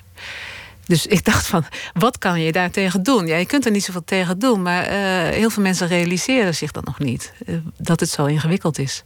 Het is een, een, generatie die, die bijna alles op de mobiel doet. Ja. Dus, dus alles gaat via WhatsApp en, en andere, andere media. Ja. Waar, waarbij het sexy zijn, het, het seksueel uh, open zijn of uitdagend zijn heel hoog in het vaandel staat. Ja, en je ziet ook al die clips, al die, uh, je ziet clips gewoon bijna porno. Maar als je dan zelf nadoet, is dat niet, ja, dat is ingewikkeld voor Dan blijkt het ineens heel preuts. Ja. En dan ben je, ben je de hoer niet alleen van het, van het uh, schoolplein, maar ook van het plein ernaast en het plein ja, daarnaast, want alle, het staat ja, op het web. Ja. We, we, lezen dat heel vaak in de krant. Verhalen waarbij het lelijk uit de hand loopt. Uh, soms eindigend in, in zelfdoding. Of, of in minder dramatische gevallen. Uh, waarbij de politie erbij wordt gehaald. Soms met resultaat, soms, soms niet. Het, het, het wordt heel wrang. In, in jouw film wordt het ook echt bijna horror. Het, het, is echt een spannende film geworden. Ja, ik wou. Ik was echt een beetje boos. Ik had echt zoiets van: ik wil een soort Ilja voor. Forever, maar dan echt weet dat je. Ik weet het antwoord ook niet. Uh, hoe je daarmee om moet gaan. Het is meer dat ik dacht van ja, is dilemma. Hoe ga je om met dit soort nieuwe ontwikkelingen als, uh, ja, als maatschappij of als je, ja, als moeder, ik als moeder of als uh, jonge vrouw of jonge man. En ik wist het antwoord niet, dus ik dacht van nou, ik zet het even goed aan, zodat dat er, ik hoop dat er een discussie komt of dat je erover nadenkt. Hoe, hoe we hiermee om moeten gaan eigenlijk. Want dat is eigenlijk wat ik als moeder heel erg denk. Van ja, hoe moet ik dat dan opvoeden? Ja, ik vind het wel belangrijk. Kijk, mijn dochter is ook vergroeid met haar telefoon. Ze onderdeel van haar lichaam bijna. Want ze neemt alles op. Moet je dan zeggen, je mag dat niet meer doen? Nee, want dat hoort er ook bij. En het is ook natuurlijk die jongeren sturen elkaar wel sexy plaatjes als het gewoon gelijkwaardig is. Is het uh, de manier uh, tegenwoordig om te chansen. Maar het kan zo snel uh, fout gaan. En ja, ik weet ook niet hoe, dat moet, hoe je dat moet oplossen. Je leest wel eens adviezen, nooit je gezicht erop als je iets, iets sexy doet, want dan ben je in ieder geval niet herkenbaar. Ja, ja dat maar dat, is, dat zijn van die tips. Maar ik heb ook door, ik heb heel veel natuurlijk heel veel castings gedaan. En elke keer volg kennen jullie mensen. Nou, ik heb ook heel veel eh, verhalen gehoord dat uh, een meisje een jongen bevredigde. En die jongen neemt het op en die deelt het met zijn vrienden uit stoerigheid. Ook niet uit slechtigheid. Het is, niet altijd, het is meer ook stoer doen. En dat meisje wordt gedeeld in verschillende WhatsApp-groepen. En dat gaat rond. En die ja, dat, dat is ook niet. Het is gewoon de manier hoe mensen met elkaar omgaan als je jong bent en je, je denkt van. Uh, kijk, je bent aan het onderzoeken. Het is heel ingewikkeld hoe je daarmee om moet gaan. Dat was net mijn volgende vraag. Want je, want je hebt die film gemaakt met ook jonge acteurs. Ja. Die, die, die, uh, ja, die zitten daar veel meer in dan, dan jij en ik. Ja, ik heb ook uh, de film ik heb eerst het treatment geschreven, dus eigenlijk het staketsel van de scènes. En toen ben ik gaan, uh, want ik praat nog in jaren tachtig taal als ik weer terugdenk aan mijn jeugd. En toen heb ik uh, stel jonge acteurs gevraagd om uh, met die scènes te gaan spelen. Die, die scènes, zeg maar, hoe zij dat zouden zeggen. En, en vanuit daar heb ik weer ben ik het scenario gaan schrijven. Dus om het meer van nu te laten zijn. Want ik merk als ik bijvoorbeeld met mijn dochter praat, dan zegt ze van ja, dat kun je niet zeggen. En uh, dit is allemaal, het, ligt allemaal heel gevoelig bij jongeren, hoe, je, hoe de taal uh, gebruikt wordt. Dus ik heb heel veel met jongeren uh, getest of het wel klopt ook. Het is, het is een uitzonderlijke film in jouw oeuvre volgens mij, omdat het, omdat het zo'n heftig thema is ja, en ook zo'n spannende film. Ik had mijn Euvelprijs. En, en toen dacht je nu dit? Ik dacht, ik ga nu. Ik, heb, uh, ik wou iets anders. Ik heb uh, 25 jaar kinderfilms gemaakt. En uh, ik had zoiets van, nou, nu moet er... Ik wil nu uh, iets anders. Dus ik, uh, ik had zoiets ik ga geen kinderfilms meer maken. Dit is natuurlijk een puberfilm. Het is met maar, pubers, maar... Maar de meeste van jouw films waren ook, ook relatief veel feel-good films. Ja. Maar deze keer even niet. Even iets niet. anders, ja. ja. Jeukte dat dan als je, als je zo'n film maakt? En, en het, het wordt toch ook wel naar en spannend en, en het achtervolgt je? Ja, maar dat is ook iets wat ik heel graag wou vertellen. Of ik zag het in mijn uh, omgeving, dus ik wou het ook heel graag vertellen. En dan kan ik echt weinig feel good. Ja, dat kun je wel doen, maar dan uh, heb je het wel over het onderwerp, maar dan, dan uh, ga je het weer naar beneden duwen, zeg maar, de urgentie. Als je het feel good laat zijn. Ik dacht, nee, ik, ga ik heb haar niet laten springen. Oh ja, dat moet ik niet zeggen, de spoiler, maar ik heb haar niet laten springen. Dat, ik had iets van, nee, zij verdient niet dat zij zelfmoord pleegt. Maar de hoofdpersoon. Maar het, was, het is geen feel good, eh, nee. Het moet ook echt een, eh, een, debat opleveren. Aanstaande zaterdag is de vertoning in, uh, in de Bali. En dan vooraf een, een debat. Ja. Met een inleiding van Linda Duits en verschillende deskundigen van allerlei hoeken. Die, die erover praten. En vrijdag is de film te zien op NPO 2. En nu gaan we aan de slag met de rest van je bestaan aan de hand van kaarten. Wil je zo'n vraag trekken, alsjeblieft?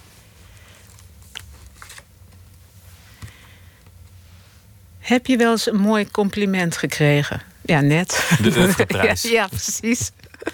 Ja, mooi, mooier wordt het Mooi, niet, nee, toch? ik denk het niet. Ik kan met pensioen, toch? ja, die, die, die krijg je vast geen twee keer. nou, laten we nog een vraag doen dan. Uh,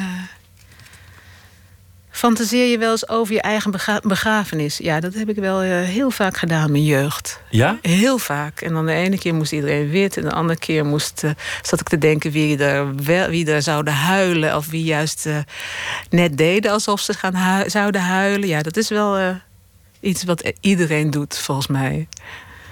Ja? Dat ja? Weet, ik, weet ik niet. Jij niet? Nee, helemaal nee? niet. Nee, interesseert me echt helemaal niks. Hoe je nagedacht wordt?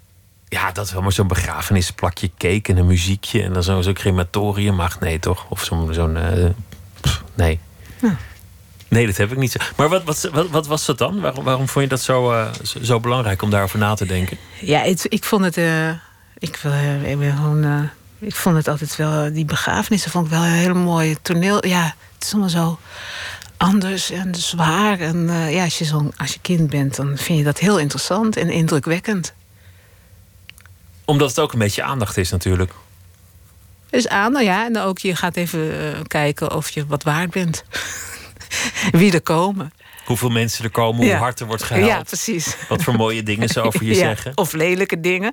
Maar je hebt het nu over je tienerjaren. Is, is het een thema dat je nu nog bezighoudt? Nalatenschap en, en hoe je je leven uiteindelijk zal hebben geleefd? Ja, uh, ik denk dat, uh, ja, uh, mijn begrafenis niet. Dat, daar denk ik liever niet aan. Als je kinderen hebt, dan denk je van nou, liever niet. Maar ik denk dat iedereen het wel heeft. Dan ga je toch even terug van ja, wat, je, wat je bereikt en of je wel, of je wel, of je wel het goede hebt gedaan. Ja, het is gewoon heel. Ik denk wel dat je dat. nou, dat iedereen dat wel heeft. Ja, dat denk ik ook. Laten we nog een vraag doen. Wat is er falikant mislukt? Eh. Uh, uh, even denken.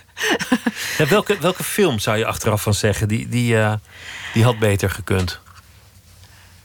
Ja, het stomme is, mislukte films zijn eigenlijk het beste. Uh, voor je voor je leerproces. Ik heb wel eens dingen gedaan dat ik dacht van nou dat.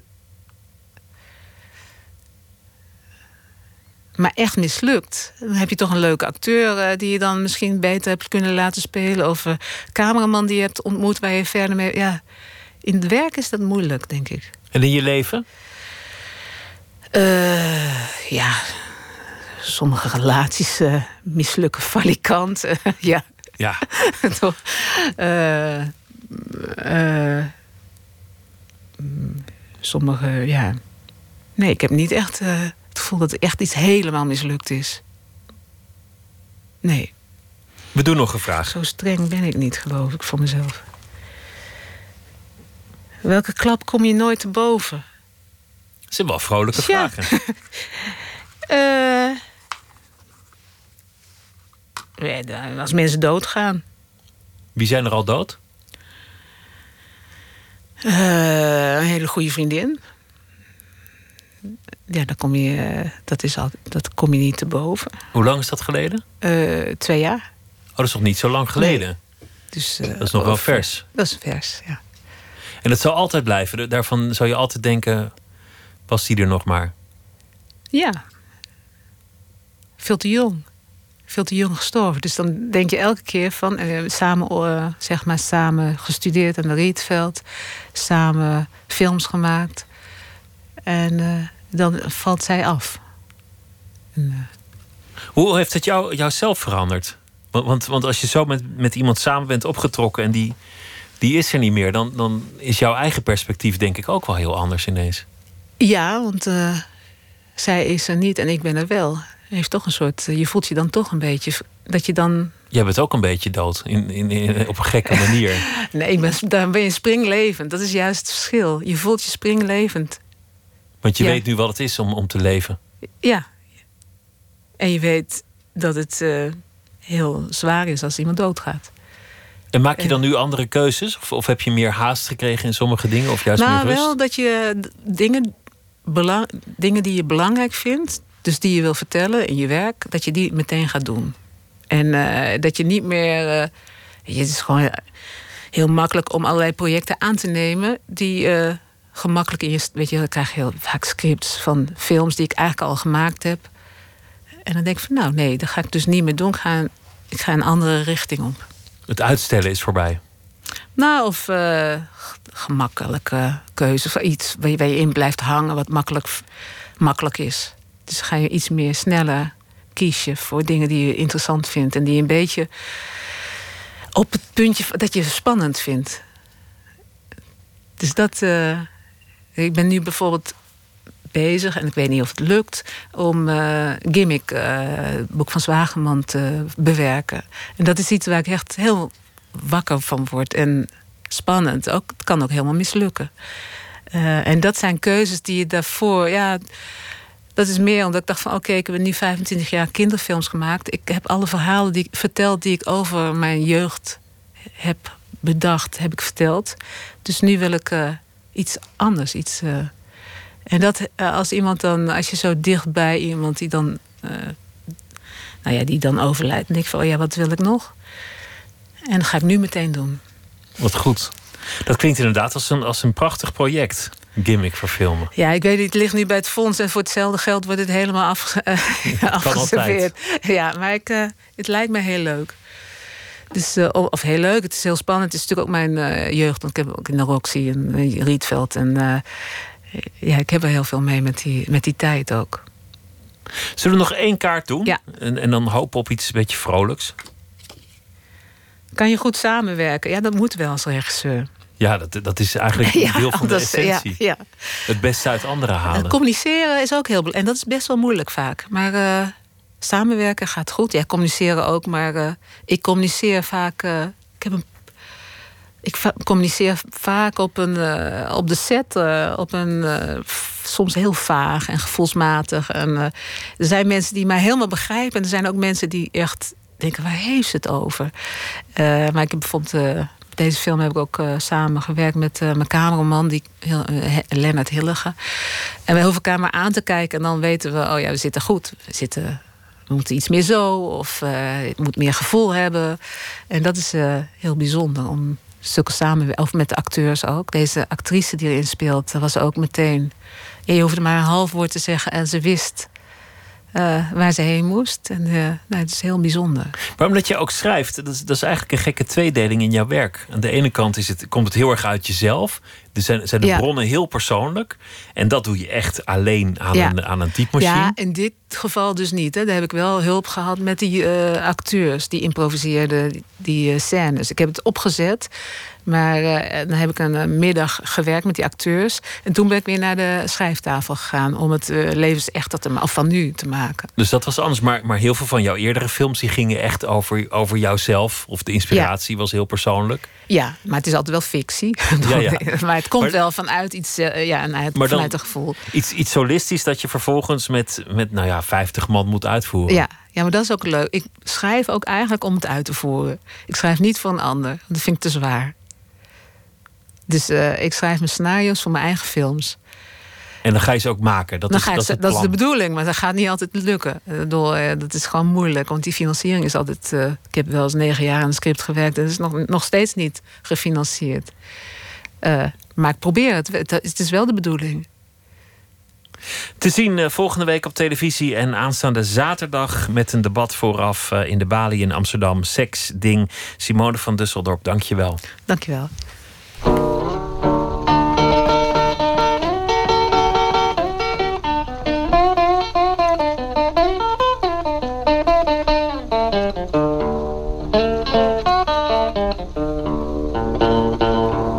Travel from town to town, trying to find a friend. Travel from town to town, trying to find a friend. Yes, you know they all done forsaken me now. and I'm doing the very best I can.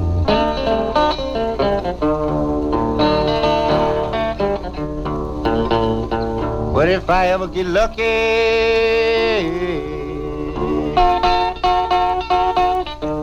in this old world again. But if I ever get lucky in this old world again, yes, I'm going back home to my mama now. Never leave again.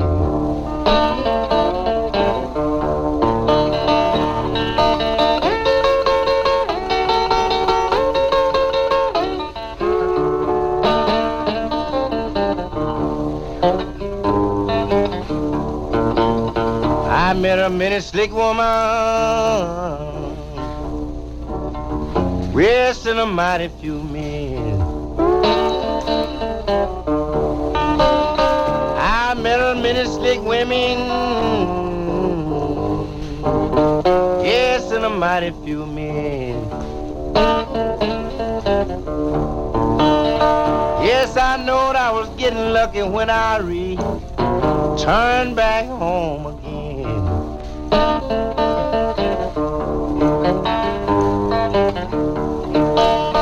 But if I never go back there again, but if I never go back there again. Yes, I know I won't miss nothing cause I, I ain't got no friend.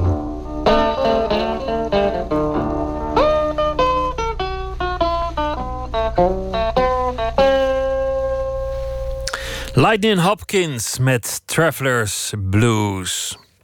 Eén minuut gemaakt door Laura Stek en de titel is geniaal. Ik weet niet waarom, maar ik denk dat het een Duitser is die geleefd heeft in de 17e eeuw. Om vijf uur 's ochtends is deze persoon meest actief.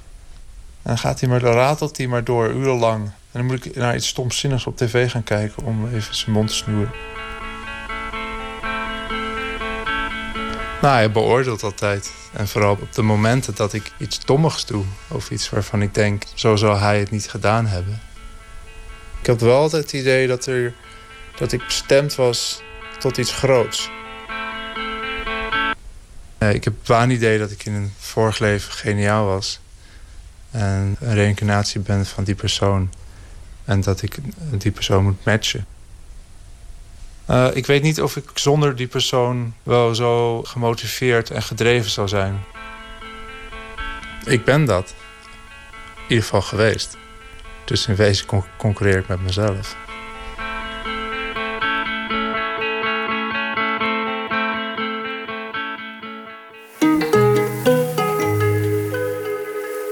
Deze plek vragen we elke nacht een schrijver of dichter om te reageren op het nieuws van de voorbije dag met een verhaal. Luc Imhan doet dat eh, deze week.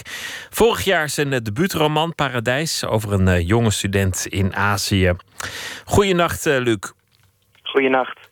Elke nacht een verhaal van, uh, van jouw hand. We hebben er al uh, drie gehad. Waar gaat het vannacht over? het gaat vannacht over de uitspraak over Vindicat. Over de jongen die bij de ontgroening uh, ja, toch wel flink over de scheef was gegaan. Een taakstraf voor de ontgroener. Juist. Ik ben benieuwd naar het verhaal. Ga je gang. Het meisje vroeg of we samen op de pont naar een café in Amsterdam-Noord konden. Daar ben ik het gelukkigst, zei ze, op de pont. En dus vertrokken we vanavond op de pont. Ze hing over de rand, wees naar de lichtjes en zwaaide naar de andere boot. Ik zei, het is ook al alle dagen feest met jou, hè? Ze pakte mijn hand vast en zweeg. Toen we in Noord waren aangekomen, gingen we naar een café waar haar vrienden feest vierden. Er werd ons drank in de handen geduwd en gemaand mee te gaan op de muziek, het dansen. Ze kwamen met hapjes aan. Wat vieren jullie? vroeg ik. De uitspraak van Vindicat, antwoordde een jongen met een zonnebril. Iemand is daar in augustus op iemands hoofd gaan staan en vandaag was de rechtszaak. Het meisje en ik keken elkaar aan. Wat, wat is de uitspraak dan? vroeg ik. Werkstraf en 31 dagen celstraf. Maar, en hier hief hij zijn vinger op, daarvan zijn er 30 voorwaardelijk. Toen stort hij zich weer in het feestgedruis. Het meisje en ik liepen naar de bar. Ze boog zich voorover naar de barman en vroeg waar het feest dan eigenlijk precies voor was. De barjongen haalde zijn schouders op. Ze vieren hier het geweld en dat ze niet echt bestraft zijn. Hij tapte nog een biertje en gaf dat aan een groep vrienden... die geen van alle dynamiet hadden uitgevonden. Weet je, zei het meisje, anders was hun vereniging waarschijnlijk binnenkort opgedoekt. Dat het feest is om voort te mogen bestaan. Ik perste mijn lippen samen. Ik snap het niet. Je gaat toch niet op iemands hoofd staan? Het meisje pakte mijn arm en sleurde me mee het café uit richting de pont. Onderweg las ik op mijn telefoon het nieuws over de studentenvereniging... tot ik misselijk werd en de telefoon uitdeed. Het meisje stapte blij de pont op. Ik slofte erachteraan. Je moet het proberen los te laten, zei ze. Sadisten hebben ook een plek in de samenleving en ze moeten ergens het vak leren. De pont meerde af en om ons heen zwermden zeevogels... die de mensen al generaties lang observeren... maar ons nog steeds niet begrijpen. Over uh, Vindicat en uh, de voorwaardelijke bestraffing. Wat, uh, wat vond je er eigenlijk van? Van de, de straf en de ophef en de rel en de ontgroening en alle incidenten? Ja, ik, misschien is dat wat ouderwets, maar ik heb het idee dat, dat je niet op iemand anders hoofd gaat staan als hij graag bij je clubje komt. Dat, dat, en ik heb het idee dat als je dat dan toch doet en iemand houdt daar een uh, hersenaandoening aan over, dat uh, 31 dagen cel waarvan je er 30 vrij op mag lopen, dan eigenlijk niet genoeg is. Ik ik, ik, ik ben wat dat betreft een beetje teleurgesteld. In, het, is een, het is een mooi conservatief gematigd standpunt. Gij zult niet op andermans hoofd staan. Juist, juist. Maar, maar zo zie je ook maar dat dingen kennelijk contextgebonden zijn. Hè? Dat als je in de supermarkt op iemands hoofd gaat staan... Dan, dan zul je zwaarder gestraft worden... dan wanneer je dat doet in een drankgelach onder studenten. Ja, en ik... En ik um, ja, misschien ben ik dus, uh, uh, uh, snap ik dus bepaalde dingen niet... dat ik dat niet begrijp. Uh, ik denk dat op iemands hoofd staan in elke context eigenlijk verkeerd is. Ja, vind ik een heel mooi standpunt. Ik geloof dat ik er weinig tegen in kan brengen. Dankjewel en uh, tot morgen. Goeienacht, Luc. Goeienacht.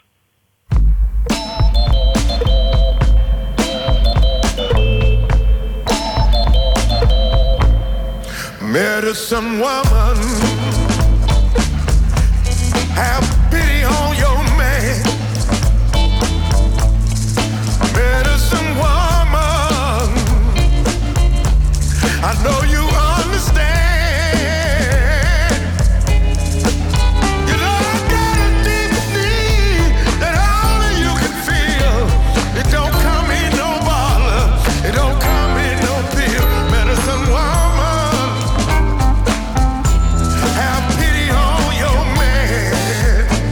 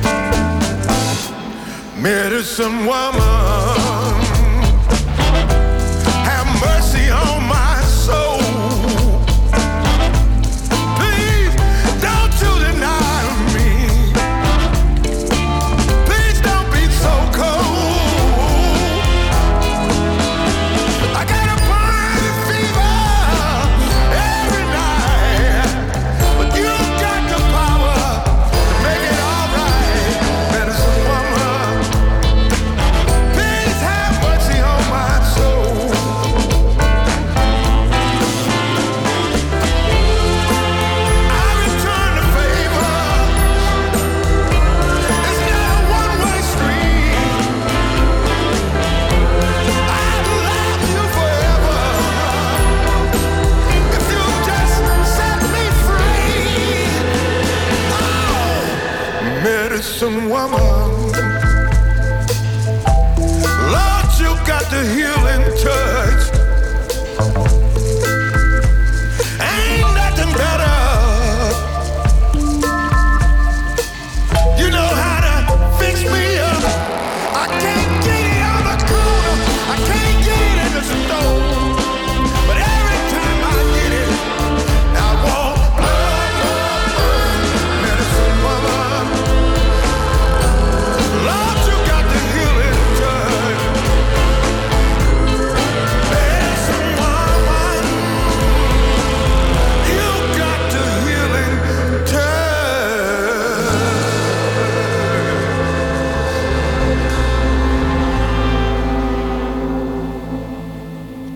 Robert Finley was dat met uh, Madison Woman. Op zijn 63-jarige leeftijd heeft hij uh, voor het eerst een plaat gemaakt. Dat was weer een tijdje terug en binnenkort komt er een nieuw album met de titel Going Platinum. En dit nummer heet Madison Woman. Poëzie van Alexis de Rode. Zijn vierde bundel heet een steen openvouwen. En dit gedicht heet Plicht.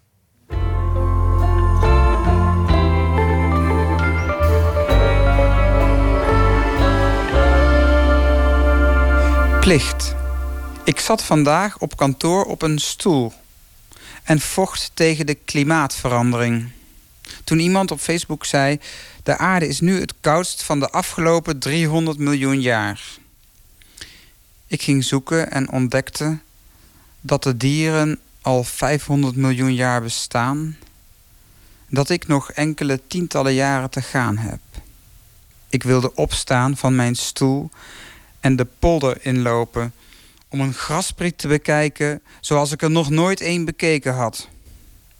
Maar ik bleef zitten, deed mijn plicht. Ja, dat is een gedicht uit de, de afdeling kantoorgedichten van mijn laatste bundel. En uh, die is eigenlijk uit het leven gegrepen, want ik werk voor een idealistisch bedrijf. En we zijn tegen klimaatverandering en voor methodes om dat op te lossen. Maar soms werpen mensen cijfers of grafieken naar je toe. Die alles weer op losse voeten stellen. Ik ging nadenken over de geologische achtergrond uh, van de aarde. En in één keer overviel het hele besef van tijd mij dat de aarde al honderden miljoen jaren bestaat. En dacht, ik zit hier op een stoel zogenaamd te vechten klimaatverandering. Maar het enige wat ik doe is iets op Facebook zetten. Wat doe ik? Ja, is het niet vrij zinloos? Zou ik niet beter de natuur in kunnen gaan uh, die door de klimaatverandering bedreigd wordt en uh, moeten genieten van wat er nog is? Zeg maar, uh, gewoon gaan kijken naar een graspriet als een goddelijke schepping. In plaats van naar dit scherm te zitten staren en bekvechten met mensen die de klimaatverandering in twijfel trekken. Plicht. Ik zat vandaag op kantoor op een stoel en vocht tegen de klimaatverandering. Toen iemand op Facebook zei: De aarde is nu het koudst van de afgelopen 300 miljoen jaar. Ik ging zoeken en ontdekte dat de dieren al 500 miljoen jaar bestaan en dat ik nog enkele tientallen jaren te gaan heb. Ik wilde opstaan van mijn stoel en de polder inlopen om een graspriet te bekijken zoals ik er nog nooit een bekeken had. Maar ik bleef zitten, deed mijn plicht.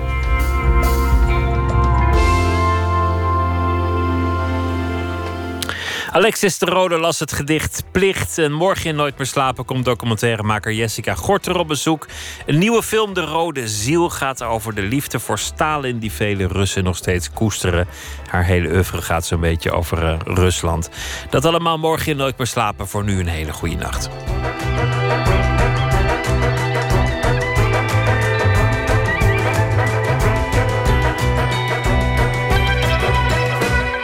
Op Radio 1. Het nieuws van alle kanten.